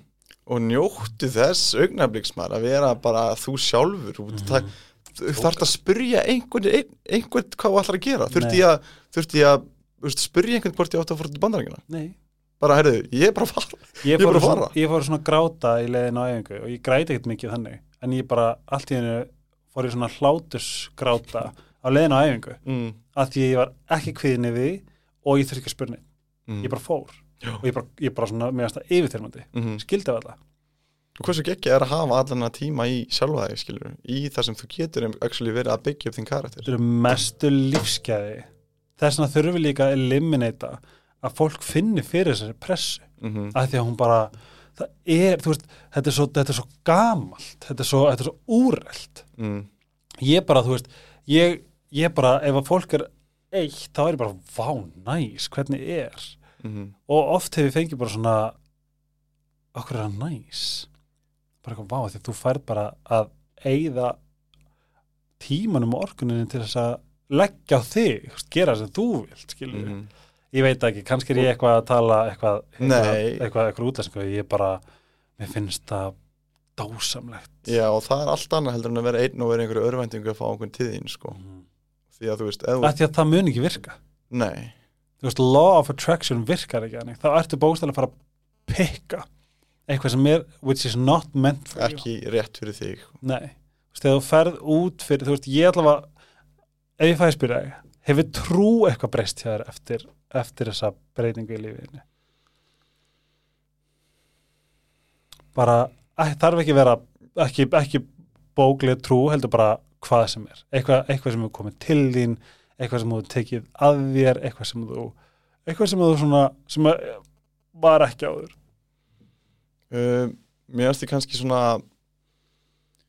sko örglega trúin á því að vera allt í lægi sko, og það sem ég er að tala um trúin á það sama hvað ég geri og ég einbytti með, með bara því sem ég er að gera í dag Mhm. og lífið fer með með þangað sem ég á að fara Mhm. klálega hefur súr trú stækkað mm -hmm. en síðan finnst mér ákveðin augnablík svona eiga sér stað sem ég bara svona tek Wow. eftir einhverju og svona, heyrðu, what? Aha. Já, og mér finnst það svona til dæmis eins og því ég er kannski ekki eftir sambandsliðin eftir, ég var að taka þess ákvörðin með sko, með doktorsnám á sín tíma því ég byrjaði náttúrulega heima og að fara í doktorsnám er stór ákvörðin ég á búin að vera með yfir þurrmandi við sex mánuði og hvað og ég er unni bara sama tíma og ég ákvað að fara í doktorsnám þá lítið vinstri á tösku Mhm. sem tók ég bróðaði ekki mér í jólgjöf Mhm. hvað er leipulega töskunni, það er douchebag og ég var nýbúin að vera upp á sem eru geggjað stendur í alveg douchebag á þau heita douchebag, það er DB Ok. og hérna Jón, Jón, Olsson hérna eh, YouTube-sérna með hann er ógisla flottur og þau geggjaða töskur fyrir svona Ok. skíðafólk og svona en þau breyttu leipurinn sinu þannig að DB þýðir hvað sem er. Mhm. þú bara daring boy eða þú veist, whatever. Stið það, já, það er dating a boy? A, a daring boy, þú veist, eða dating a boy eða ég whatever. bara, Það ekki getur- pró, prófa það. Ég og ég leita töskun og það var bara Dr. Beggi sem kom upp. Nei! Og mér fannst það- mér fannst það, það augnablík þrátt fyrir að fólk byrja að það er bara tilvílun eitthvað svona, þá Nei, fannst mér það ekki augnablík bara þegar já, ég er að taka rétt ákvörðun. Já, þannig að þú veist, veist ég hafa upplifað mörg svona augnablík sem ég er svona, heyrðu, það er ég vil trúa að sé eitthvað svona handrit, af hverju ég hef aldrei sótt um dóttasnám hefði heldur ekki verið farin út í nám. Mm. að því ég var bara einn á kvöldi, einn á einhver kvöldi og ekki, úst, var bara að gera eitthvað og, og vambað inn á það, bara af hverju ekki? Ég hafði aldrei sótt um dóttasnám ef ég hefði lent í konflikt við leifmjöndum mín. Ég hefði bara áfram verið í Íslandi. Má, ég er forvitin ef að taka það off-air eða? Nei, nei, eða þú veist, bara sko, þegar ég var í fótbolta í FH þá kom þjálfarinn í FH liðið og ég hef alltaf verið dáður og dýrkaðar af mínu þjálfurum að því ég bara gera það sem ég á að gera og stend mig vel Mhm. þar kom þjálfari sem fóru við mörki mín oftar en einu svona oftar en tvisar og hérna var ekki góð við mig og ég bara leðlur Já, bara, þú Orð. veist, tók mig fyrir og bara hérna gerði, já, ég leifði honum Mhm. að gera vinn fótbolta að engu í rauninni Mhm. og dró svolítið úr mér og dró svolstört úr mér ég á kvíðana með dæfingar og fleira og ég ber á, að ég axla alla ábyrð á því að því ég geti gert betur og ég var komin aftur hann í aðstæðar þar sem var við að fara við mörki mín hægri í vinstri sko. Mhm. og ég hugsaði leiðbegandi út að vinna náum með honum í fimm ár það er sem mistök gera helgi mistök er ekki bara til að muna hluti sko, og minning er ekki bara til að muna hlutin svo að þú getur gert hann rétt næst svo þú gerir ekki sömu fjárhans mistökin Mhm. það er tilgangum minnis algjörlega ég var hann að koma í aðra aðstæður á að vera að fara í mörki mín og alls konar við og ég hugsaði ekki aftur, mm. ekki aftur hérna stend ég í lappinar Mhm. gerði það, var ákveðin kannski og ákveðin sem gerði það að verkum að við vorum komið með uh, bara margra miljón konar styrk í ákveðinu, ákveðinu bæjarfélagi hérna sem við mistum bara verkanið Mhm. það var þannig og Er þetta leiðbyrnandi í skólanum eða fótboltanum? Skólanum, skólanum, sem þetta er leiðbæðandi skólanum fyrst var ég í fótboltanum Já. sem verkum að ég hætti í rauninni í fótbolta Já, já, það, er svona, það, var, það var aðil í fótboltanum sem gerði það verkum að þú, að þú raunin hættir.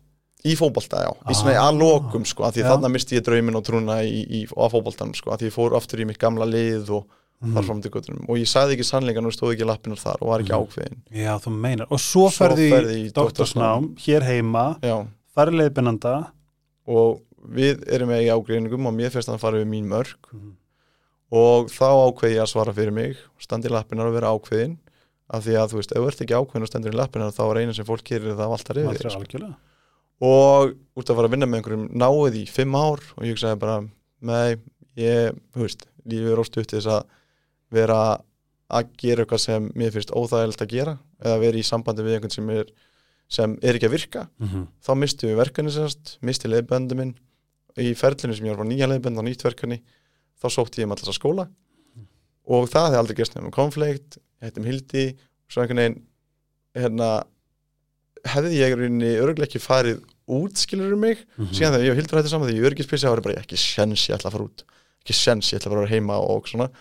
En einhvern veginn og tók fyrst ákvörðunum að vera heima. Síðan Mhm. bara nei, herði, þetta er raung ákvörðun götti mitt er bara öskra á mig. Mhm. tek tóta, ákveða að fara út og hér er ég, þannig að mér finnst einhvern veginn líka talandi um trú, mér finnst lífið búin að stilla þessari vegferð einhvern veginn upp fyrir mig sko 100%. og, og mér finnst það alveg merkilegt þegar ég lít svona tilbaka einhvern veginn hvernig þetta er búið einhvern veginn bara svona svona röð aðtöka sem eru búin að gerast að ég er að eiga lífið sem ég á í dag sko þannig að á því leitunum til er ég líka svolítið trúaðar um að lífið sé að stilla þessu fyrir mig sko Ég er bara, þetta er bara tónlist í minn eyri, ég trúi sko 100 miljón prosent. Ég er bara, þú veist, Guð, alheimur, hvað Hvað sem svo vilt er. kalla þetta. Ég er bara, ég er gjörsanlega svona in awe og mér finnst ég vera búin að svona surrender og, ég skil, ég, þú veist, ef þú hefði sagt það við mig fyrir þremur árum, I surrender to God, ég hef verið bara eitthvað, oh my God, hvað er að þér?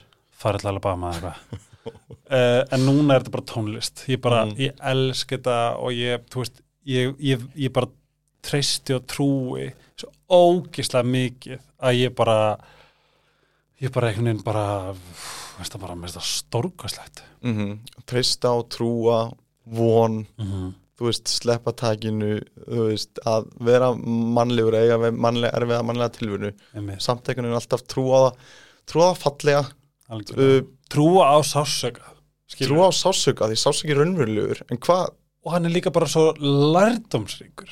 Já. Og trú á ást helgi sko þá er ég að tala um ást sko út frá víðasta samingi og hvað er ást? Það er bara annarkvort ástöðótti allt er ástöðótti allt er ást eða ótti og ást er að lí, þrátt fyrir það vonda í lífinu Mhm. þrátt fyrir erfleikana hérna, þrátt fyrir að vonda í fólki mm -hmm. þá kýst að líta á það góða. Algjörlega. Í öðrum og sjálfu þér. Algjörlega. Það er ást. Ég myndi slutta þætti með þessum orðum ég ætla ekki að nei, ég er ánægð með við, mér lang, ég er mjög fórhættur um þessa bók að því að, að því að sko Guðni Gunnarsson, ædalum mitt bara mjög samt sko ég, þú veist, ég, ég elskar eins mikið og ég er alveg pínur hrættu við hann. Mm -hmm. þú veist, hann er, mér finnst að vera magnar ég er einhvern veginn bara svona þú veist. Þetta er svo því ég bætti náðu og ég segi nei og því ég segi þetta var hann síðast í sán mm. Jú. þannig að þú veist, því ég var að taka podcastum var ég bara, ok hey, ég verði að vanda orðavalið mitt þannig að ég er alveg svona hikandi í þættinum. Mhm. Mm. Mér fannst ég kom með geggjaðast leggjur það var ekki lengi skjótaði niður. Bara eitthvað, en hvernig á ég að fyrirgefa? Eitthvað svona, ég manni, ég manni hvernig ára þetta en fyrirgefning bara eitthvað. Það, það er engin fyrirgefir, eitthvað svona, eitthvað svona sem ég bara svona, ó, ó, bara svona mitt stærsta hugarangur. Eitthvað, tók hann bara Mm. mér finnst það fallega þetta sem ég sagði í podcastinu mínu sem ég manni ennþá eftir. Fólk getur ekki dæmt þig heldur bara opinbera vannmátt sinn. Ah, einmitt, þú veist, einmitt, bara þetta bara eitthvað svona, fuck. Ég þarf að lesa þetta sjöndusnum svo þegar ég hugsa um þetta átta ásinnum og þá kannski já, en ég veit þetta er samt rétt. Já, af því hvað er fólk að gera þegar það dæmi? þig? Það er bara op opinbera skýt sinn sko, sína tilfinningar, það er bara yfirfæra sína tilfinningar á Einmitt. aðra sko, það er bara yfirfæra óöryggisitt á aðra. Það er endur rétt. Þegar maður grípur sjálf og segja að dæmi einhvern? Mm -hmm. líkt ég veit, barm, já, ég, í eigin og einmitt líka bara ég veit þegar ég er komin í eitthvað sem er ekki heilbrið heilbriðar hugsanir eða jákar hugsanir hverjum sem er I don't even care, þá er ég úr flæði Mhm, ég get alltaf vita þessi úrflæði með hvað gerist í hausnum og hvað ég segi. Mhm, ég get alltaf greipið mig, 100% það er styrla og Jésús, eitthvað með hann, ég manni hvað það var.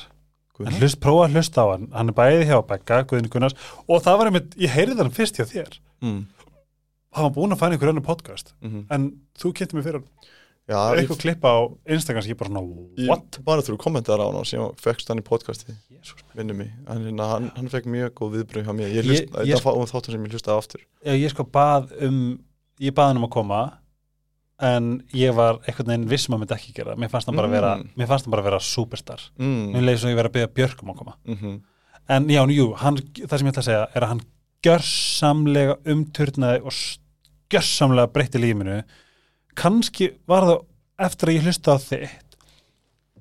Annarkvort báði mjög góð þetta mhm. en hérna hlustiði bara strax í gær. En hvaða þú veist, þetta er bara þetta koncept að gefa vægi. Ætlar að gefa einhverju hugsun vægi sem að bara reynist mér ekki neitt. Helgi vart ömulur ok, ég hef aldrei til þess að gefa því vægi sem beisli þér að gefa þeim gefa því vald til þess að hafa áhrif á mig eða ekki. Mhm, og bara svona að ég hef í raun og verið valdi til að gera það. Mhm, og það er ógst að fyndi sérstaklega eftir ég fekk svona hérna bara eitthvað, í gæðir og ég vissi þetta og ég bara svona, ég get ekki verið ekki þessu vægi en þetta er samt bara eitthvað svona áið þú veist maður, þú veist maður það líka voru ógst að sterkur til þess að komast þangað. Mhm, en núna er ég, þú veist, þessu bara ég tala um við við, þú veist, kærstum er bara svona já, þetta er í gangi hausnum á mér. Má ég segja eitthvað má ég segja eitthvað hausnum á mér að segja? Þú veist, ég trú, veist, ég, þetta er ekki ég að segja það en þetta er það sem er í gangi. Mhm. Þú veist, að algjörlega separata my core mig, sálinu minni og þessum rafbóðum sem er í gangi, sem ég ræð hver hvað ég ætla að gefa vægi. Mhm, þetta er bara þetta er gjörsamlega umturnaði lífinu af því að þegar þú gefið því vægi að þá ertu að svara þjáningu með þjáningu. Já, og þarfa þjáningu, umfram þjáningu, umfram þessi lífið er nákvæmlega. Anskotin Guðni Gunnars bara, ef þú ert að hlusta fucking love you. En sko bara það að hann, hann er bæði hérna á, á fórsíðinni, Bergsitt leipin er eins og skátafóringi átt að varanlegri velsæld. Ó, þetta er svo, góð setning. Mhm, ef þetta er ekki nóg til þess að kaupa bókina. Þú ert líka æði skilur þú ert aukaðri þessu akkurat núna. Nei, og hann segir sko Bergsveit stappar í því stálinu með þessari bók Bergsveit að leiðbun okkur eins og skátafóringi þar sem að skilabóðin eru stöð þessi. Verður viðbúin og þá getur þú valið viðbræð haft vald yfir hvaða aðstæðum kunnað opinberast þér og þannig öðlast varanlega van, van, velsæld vansæld uh, velsæld. Hjartans þakkir fyrir stórgóða og nýtsamlega bók. Ef þetta er ekki rósbeggi ég var bara, ég ljómaði allir því ég lasi þetta því ég var líka pínu stressar að láta hann lesa þetta sko var, sendur þetta á hann bara? Já. Það var ekki tilbúin já, hún var tilbúin bara í prentformi í, Setti, Já, í hérna PDF já, pdf og bara hann lesa yfir en ég viðkynna því ég læti þess að sleggju lesa að bókina mér sem er aftan á, þá er ég alveg svona húf, þetta er Óli Stef hérna handbóltakóðun sem hefur nú pælt í hlutunum uh, þetta er Kári Kristins, prófessor í HÍ sem er gáðasti maður sem ég æfinni þekkið indislegu maður uh, Hver séru? Hérðin? Kári Kristins Nei Já, og einmitt. hérðin unnstist, það er náttúrulega einunum sleggjan sko, þannig að ég var svona því ég læt þau lesa, þá er einhvern veginn bara hvað, hvað viðbröður ég að fara að fá, þú veist, eru þau að fara að gefa mig komment, eða, og hvernig verður komment og þegar ég fekk þetta frá Gunna þá fyrir svona mann sem Guðina fyrir, Guðna, Já. Guðna Gunnars, fyrir svona mann sem hérna er svona sjóaður í þessu og sem ég svona hef bara, bara lítið upp til að fá Mhm. þetta frá honum, ég var bara ég maður þegar ég lasi þetta í símanum, ég var rosalega upplýður rosalega mikla hamingju Hvar ánægju. varstu? ég var bara í bílnum hjá mér án ég var að fara að kera um stað og kíkti e-mailið mitt og þá var hún búin að svara og Er það bíl úti? Nei, þetta var áður en ég fór það? út Já, Var hún búin til svona lengi? hún nefnilega er málið þegar maður skrifa bók að maður Hvað var svo lengi að skrifa hana? alltaf lengi í maður Aha, Já, ég var tvö ár, ég var byrjar að skrifa hann áður en ég að hún hinn kom út sem ég já, já, já. En ég hef bara búið að vera svo mikið að gera í lífunni Ég hef ekki náða að sökka mér alveg í það Síðan fór ég til Tenerife einn um páskana og held að ég hérna, myndi klára hana þar bara. Já, en, en, en boy, I was wrong sko. Hvað er það samt? Ég var út í mánuð til að klára allt sem ég ætlaði að klára.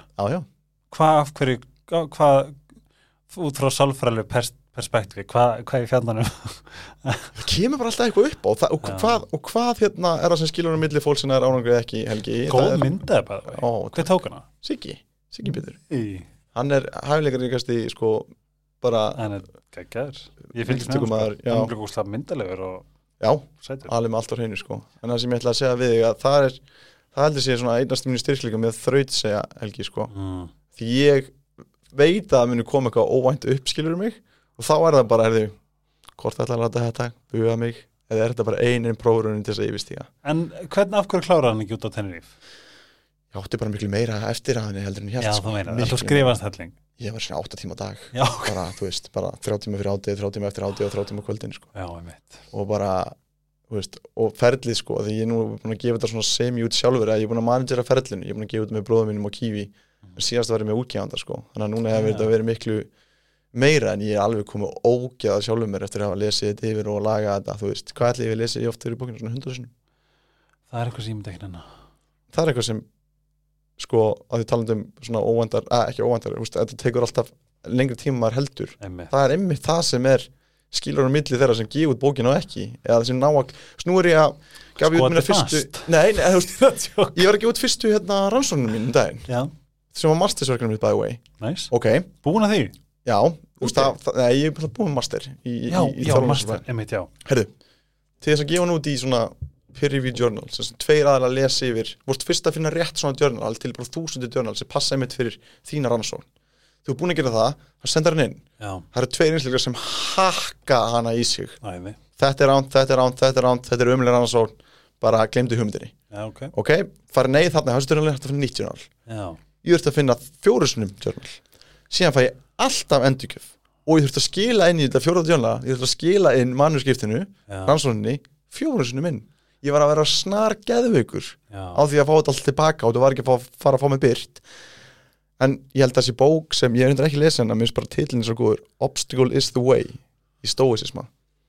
Hindrannar eru bara svolítið vegur sko. það er bara svolítið þess Það er vegna eitthvað var sem ég nenni ekki að heyra en þetta er alveg rétt. Þú sagði mér að þú vilt fá að heyra sem þú þarft að heyra. 100% Farðu út. Nei. Þetta er ég er innilega, ég er innilega spenntur að lesa hana. Ég er hann svo mikið lestrahestur núna. Mér hlakka til að fá endurgjöf. Hvað er svona það sem að þú sem að þú svona tekur mest frá þessari bók og hvað svona komið mest á óvart þig sjálfa þegar þú varst að skrifa hana? Hvað vartur einu verið bara mjúkur og þú veist ljúfur. Kom mest, sem komið mest á óvart er að ég var óörugari þegar ég var að skrifa þessa bók heldur en hinna og er það ekki líka, er hún ekki bara betri í kjálfari?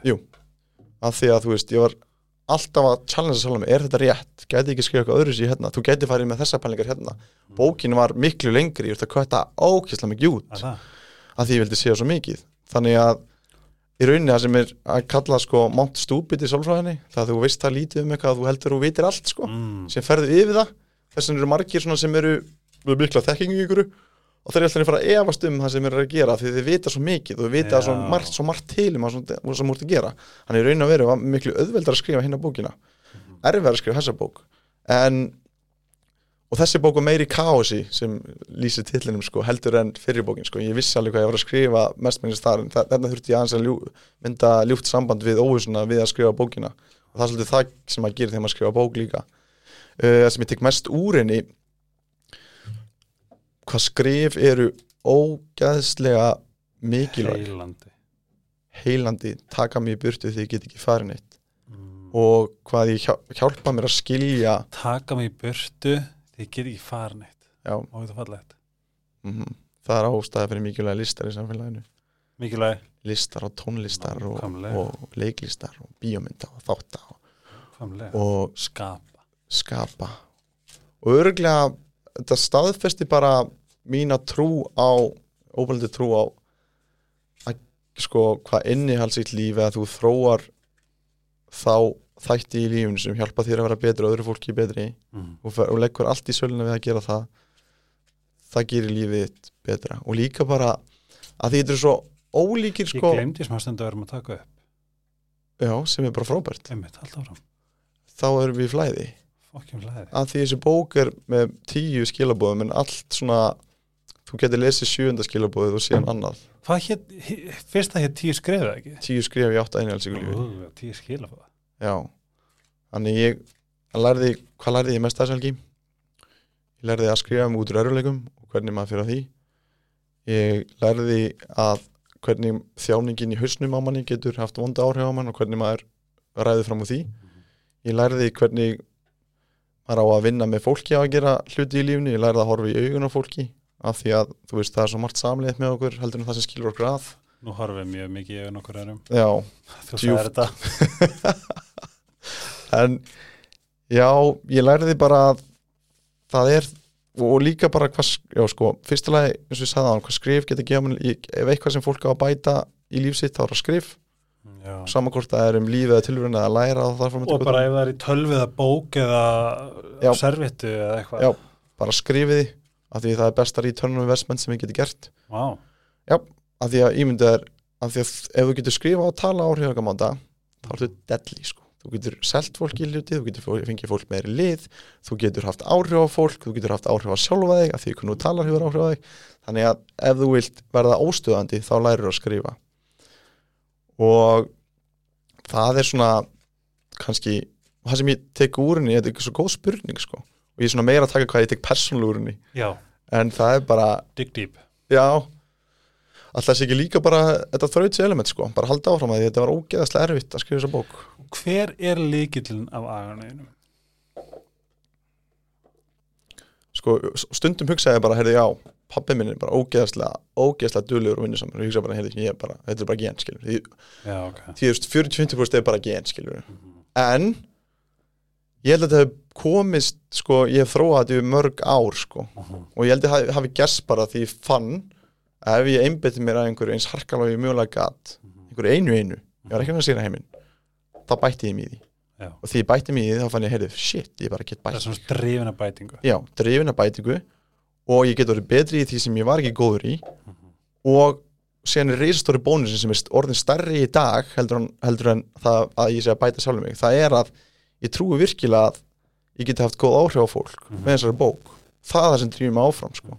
það finnst mér líkilatri í þrautseginu, ástæðan af hverju ég er að vakna snemma fimm á mótana úti og ég er dóktar sem í bandaríkjum veist, ég er ekki að gera það fyrir sjálfa mig. Ég er að gera það af því ég er að reyna ég er að reyna fara, ég er að reyna að gera það. Ég er ekki að reyna, ég er að gera það til þess að hafa betri áhrif á fólk. Einmitt. það er svo mikil drifkraftur fyrir mig að því ég held að ást og lífið snúist um það að bæta sjálf og betur um bæta fólki í kringu sig því þá eru heimurinn betur stað. Og ég er ekki að pæla í stóru spurningum ég er ekki að pæla í hvernig ég leysi loftlagsvanda eða ég er ekki að pæla í hvernig ég leysi hungur. Ég er ekki að pæla, ég er bara að pæla í að gera eins vel og ég mjögulega geta hverjum einsta degi. Og ef allir eru þannig og því ég er svo miklu trú á einslingumsjónum minu ef allir eru þannig þá erum við að fara að hafa áhrif á fólk að að að þú veist, þetta, svar með það, ég var að lesa bók sem ekki kólgleifti flugunleginu heim, 200 blassju sem ég bara kláraði í tveim flugum. Já, The Gift of Influence.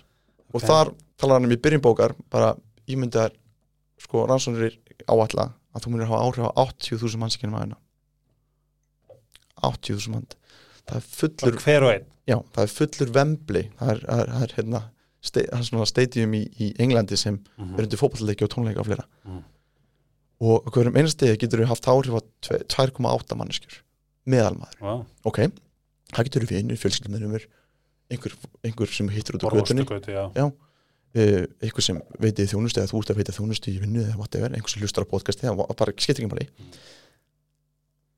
Hvort að þú mætir í enda dagsins þegar þín lífslið er að fara að ljúka hvort viltu að fólki á vembli sé að fara að fagna og fara öskra og fagna að látum að því að þú gerði lífið þeirra betra eða púa þig niður á vellinum og þú hefur þar val og valdið. Hvort að fólk mun mæta hana til að öskra úr Vá. ánægju að þú hafðir svo mikil áhrif og hvetja þetta dáða þegar þinni lífsgangu er lokið. Mhm. þess vegna skipta svo miklu máli, máli hverja einustu ákvarðin sem þú tekur í lífinu hvað, hvað einasta hlut sem þú gerir í lífinu af því að það getur farið í báðar áttir. Mhm. og helvítið er miklu nær okkur heldur en við höldum. Helvítið er öll þessu hlutum sem við gerum. Jú. þannig að hvort ætla ég að labba út í núna eftir podcastið, hvort ætla ég að fara og segja góðan dag við mannskjörn sem ég hitti fyrir utan? Mm. eða ætla ég að uh, vera í símanum þegar ég er með vinið mínum? Eða ætla ég að rósa einhverjum fyrir eitthvað sem hann gerði sem ég fannst rosalega gott? Já, og benda nákvæmlega á hvað hann gerði sem var gott? Ætla ég að lifta upp, annara upp? Eða ætla ég bara að vera að gera tilveru annara verri. Og, við, og það ástæðan hverju ég hef svo mikla trú, trú á þessu og það er ástæðan hverju ég hef svo mikla þráugju fyrir því að betur um bæta sjálfum. Því ég, þegar ég er betri þá er ég betri fyrir aðra. Einmitt. Og mér finnst það lífi snúast um það og ég innilega trúi því. Ég er ógst sammála. Ég nefnilega hef maður, þú veist það er með þetta veist, nú var ég úti og ég var eitthvað að hjálpa hérna konum og ég svona ég bugaði þessu okkur, ég gæti gert meira. Já, og ég hérna svona eitthvað, þú veist, þá var mitt fórið tilbaki þetta, bara svona, hei, kannski þú veist, það voru margir sem tóku það margir sem sá þetta kannski er einhver þar sem er að fara að gera veist, þá er ég búin að gera helling. Mm ef þetta, ef, veist, ef, ef þetta hvetur einhvern annan til þess að gera eitthvað eða hv- hvað sem það er. -hmm. Þú veist, ég, kannski þarf maður ekki alltaf að gera eitthvað beint. Þú ert líka bara verið gott. Mhm. og ef að gott smitast á aðra þá getur þetta orðið þetta, þetta þessa keðjuverkun sem að bara er, er af því góða skilur og það gerir það. Og góðverk eru smitandi og gerir gott fyrir einhvern, hann er líklega til þess að ge- út daginn, hann er líklega til þess að gera eitthvað gott við einhvern annan, þannig að það sem þú gerir er að fara að spýrlast út. Og þetta er fallegt samt. það er rosalega fallegt. Og hérna að því að ég veist, ég fæ svo, ég er kannski bara heppin, ég fæ endrast að skilabóðum og ég fór á þjóðatíð við hittum svona á þjóðatíð í félagarnir hvar? þjóðatíð, Já þú, já, hvar? þjóðatíð, mástu ekki eftir Nei. því vorum saman við vorum saman á, á föstu deginu við fengum okkur eitt kaldan saman, ég þú og Mari til vídjóas og allt maður, þú varst með enna þá Já, guð! allana Oh my god, já þetta var hvað neitt eitthvað. það fór um daginn ég var eitthvað og ég fekk mér ekki svona kaldan sko.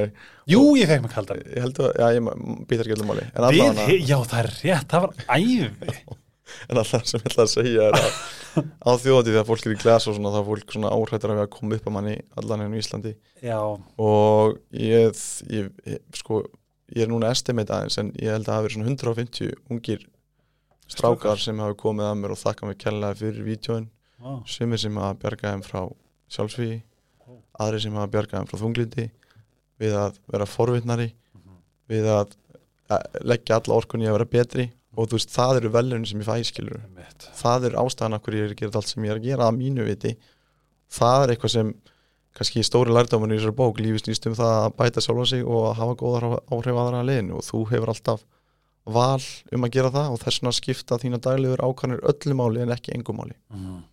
það getur verið hræðandi og það sem þú varst að segja með skiluru veist, maður getur fengið svo yfir þyrmandi veist, ef maður hugsa of stórt mm. þegar maður ætlar að leysa eitthvað ógislega stórt en þú veist, árun úr gaggrinni heiminn ætla að bæta heimi, byrjaði bara að búa um rúmið sko. byrjaði að hafa þitt sitt á hreinu af því að það mun gera miklu meira heldur en að þú gerir í grein fyrir af því að fólk verður fyrir áhrifum frá þér sko. og þú hefur valið hvort það verður fyrir góðum áhrifum eða sleim áhrifum og það er að tala um ykkur bara við öll já, við öll, já Þetta datum er Er, er hún komin í sölu? bókinni komin í sölu, beggjáls.com og pennanum og hagkvöp Já, hún er veit að fara í jólabókaflóðu út um allt þarna. Já, fer vonandi, já, er að fara þetta inn hérna í netto og bónus og fleira þannig að En spilin, hvernig kom það til? Heyrðu, Er þetta 247 spil? nei, þetta er 150 spil. Ok, og rosalega mörg spil. Já, Ég dáist það fyrir að hafa komið svona mörgur spurningunni ég er alltaf coaching psychology sem, sem ég master í snýst rosa mikið um spurningar sko. Ah. og þetta var þannig að ég datti þessa hugmynd fyrst upp í fyrir svona 3-4 árum mm. og þá var ég eitthvað svona, heyrðu, þetta var eins og niður og síðan hætti ég bara að hugsa um það en síðan var það eiginlega bara þannig, ég var ítrykkað að lendi í samræðum við fólk fólk kemur til mín og veit að það getur opnað sem hlutu og talaði um einhver málefni Mhm. og og ég viss, ég held að það væri bara day to day dæmið sko, fólk væri bara eigið sem samræðum sko, sem fekk ég nýjan herbyggisfélag út á Spáni, semst þegar ég var æfinga fyrir fjölni. Mm. og hann kemur niður eftir fjóran hættur í morgumæti með strákunum og segir ég og Beggi, við erum bara, bara því líkt djúpum samræðum á kvöldið maður. Og ég svona bara, byrju, er þetta ekki bara vennulegt Ég veit. og þá datt mér í hug bara, já ok, fólk, það er kannski ekki eðlisett fyrir fólk að ræðum hluti sem skipta máli. Og mér persónulega helgi, mér leiðir stiðubor skemmtur mm sko. Mhm. Og ég vil svolítið spyrja um ræða hugmyndir, ræða sjálfa sig ræða lífið, Mhm. af því að ég tel það bara gott fyrir alla. Hefur þess, oft heilt bara svona, vá, er engi spurt með það? Alveg Ég er 100%. alltaf lendi. Og líka bara svona, veist eins og ég segi mikilvægsta reglin í þessu að hlusta á aðra eins og vilt að aðra hlusta þig sko. Mhm. að fólk fá bara rými til að tala og skilja og pæla. Og síðan þegar ég og líka þegar ég var sko um áramótin þá fyrir við alltaf í svona hvað stóð upp á árunni og, og hvað var jákvæðasti vendupunkt, eða jákvæðasti Mhm. upplifin og neikvæðasti upplifin eða hvað stóð upp úr og hvað var erfiðast Mhm. fór ég þetta Pros með þetta með vinni mínum og sálfræðifólkinu mínu sálfræðivinni mínum við erum svo ógeðslega nánar fyrir vikið Mhm. og fólk var bara, "Vá, þetta er besta kvöldin sem ég átt bara mjög lengi og ég hef svona þrá ekki fyrir þessu og, og þegar fólk svarar sér stóru spurningum um sjálfa sig að lífið eða þú veist bara basic eins og hvernig ég dröma dagurinn minn eða hvað er að fallegasta sem þú hefur séð eða, eða var í bíómyndu um því, hvað myndi hún heita eða Ú, hvað eru því styrklingar hjá þér og hvernig sýnir það í verki hver eru gildin og allt þetta. Þegar fólk pælir í þessu mhm, þá fyrst alveg skiljið því betur helgi. Við náttúrulega okkar eikst mhm, samkvæmt það sem makin, fjölskyldumælumur eða, eða einhverju vinir, Mhm. en líka skilja sjálfa mig og það er svo miklu meiri skilning á sjálfa mig en einhver hlustar á mig. Og mér langar svo mikið með þessu spili að fólk geti bara, hvort sem það er í fjölskyldubóðinu eða í, í Ég matarboði. hugsaði fyrst bara líka bara í skólum, Skólum? í öllum bekkjum í öllum fótballtaliðum mm, í öllum, þú veist bara öllu, þú veist, að þetta verði partur af bara okkar nútíma samfélagi að líka bara svo lífsleikni í staðan fyrir að skrifa niður hvað er upp á sliturðin í eitthvað pappir þú veist, hei, við ætlum að vera með spil við ætlum að fá að, þú veist, við erum fjör eitthvað svona, bara, þú veist, eitthvað mm -hmm. Eða það er spil dröfumspil, ætlaðu þú að byrja? Hvað augnabliki ertu stolt straflínu? Ó Stoltastur, hvernig hefur verið stoltur af mér? Um, ég var, ég er rauglega stoltastur af mér sko þegar ég var sem lengst niður, ég er stoltastur af þeim helga þegar ég samt I pulled through. 2020 desember tegafall þannig að þú lítið tilbaka á þína dimmustu tíma að þú hafa haft styrkin á að mm. fara í gegnum það. Þú, það er rosalega fallega ég held að ég held að það er svona genuine, ég var alveg stoltur af alls konar þú veist einhverjum, einhverjum svona einhverjum svona afregum en já, ég er mjög stoltur af þessum helga sem var bara í klessu pældu í því Helgi. Mm. pældu í því hvað lífsaga þín býr svo mikið á þessum endi Já, hvaða erfiðleika sem mætið er nefnilega. I got through this. Og meiri þess að er í þakkláttu fyrir þetta. Sem þú veist að styrla mm. ég, al, þú veist aldrei hefði mig gruna ég verið hvað ég er þakkláttur fyrir þetta og fyrirandi kærasta minn. Ég hefði verið bara eitthvað glimti þessu. En Mm. ég, já, ég, ég hérna ég nefnilega þetta er nefnilega svo gott að grípa í þetta sko þegar að því nú hljópi laugavegin mm -hmm. hljópa hann í fyrra líka. Það var ógæslega sem ég gert. Ég langaði kastamurinn í þjósa bara allan tíman já. Viðbjöður og ég fór aftur þetta árið. Og verður búin að þurft- aftur líka já, já, en ég, en ég, en ég hefði þurft að gangi gegnum miklu meiri andliði sásauka þetta árið. Og ég hlustaði alltaf, talandi um tónlist ég hlustaði eitt lag sem minni mig á þessa tíma. Og allan, alltaf bara. Það var remix af, af Blue, hana, I'm Blue ekki hérna David Guetta remixi heldur annar remix sem er. Já, mér fyndi lag en einhvern veginn ég var alltaf með að repeat það bara, það bara, það tók mig í burtu að- I'm blue já, já, the- nema eitthvað remix hefði ég bara kom mjög grilla sko, ég get bara linkað á þig. En viljandi, ég hlusta á hann ekki á tónlist því ég vil upplega allan sásugan þegar ég hleyp Fuck. en ég vissi, og ég er að koma punktunum sem ég ætla að koma að í hlaupinu sjálf, ég vissi ég er að fara að gera þjáningu um tíma, Aha. setti tónlistin á setti á þetta lag, bing minningin, erfiðustu tímar í æfi minni, bara ég komst í gegnum þetta, nú er ég að hlaupa, let's go. Let's go ég er að komast í gegnum þetta. Þannig að, að eiga þessi augnablik sem getur gripið í bara, heyrðu nú er erfið tímar, ég hef farið í gegnum þetta áður Einmitt. og verra en þetta, þeir eru svo mikilvægir. Það er bara svo þetta er svo mikilvægt að eins og mikið og maður er aldrei að fara að hugsa er, maður er aldrei að fara að halda að maður hugsi vá hvað þetta var magnað að gangi gegnum.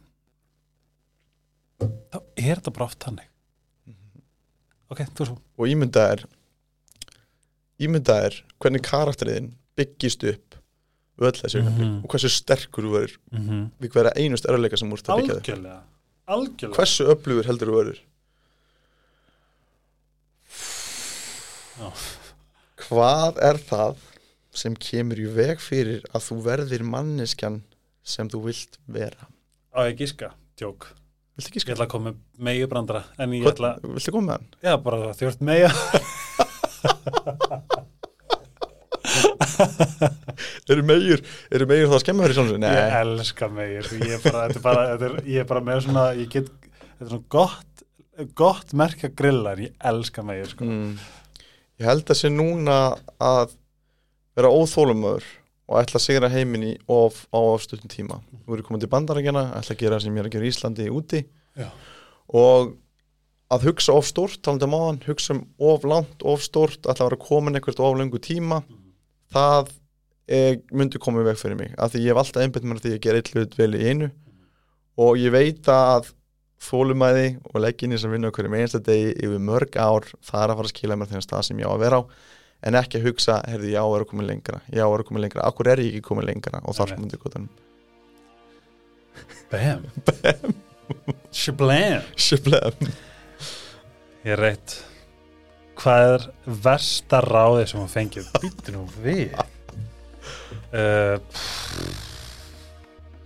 versta ráð sem ég fengið. Er örugglega bara eitthvað það eru fleiri fiskar að sjónum eitthvað þannig svona að tala um. Það sem ég er bara út fokk af Brullar byrtu hvað er spilin seld? Þau eru seld í bækjóls.com og hagkaup og penn. Hvenær er þetta að fara svo? Fer eftir þrjáta allt og snemt Pínu. Já, Og kemur jólin? Kemur jólin, ég er bara mánu úti við bótt ok. Þannig að það er, mamma þarf ekki að örma þetta mikið Hún er Mamma svo er best. ógislega næs. Hún er best. Hún er það svo, það er eitthvað sem það stendur eiginlega á enninu á henni sko, hvað, hvað hann er eitthvað mikið æði og það var erfitt að áttum að að því að mun el, el, aldrei elska mér mikið um mamma. En það er ekki bara besta ást í heimi. Já, best ást í heimi.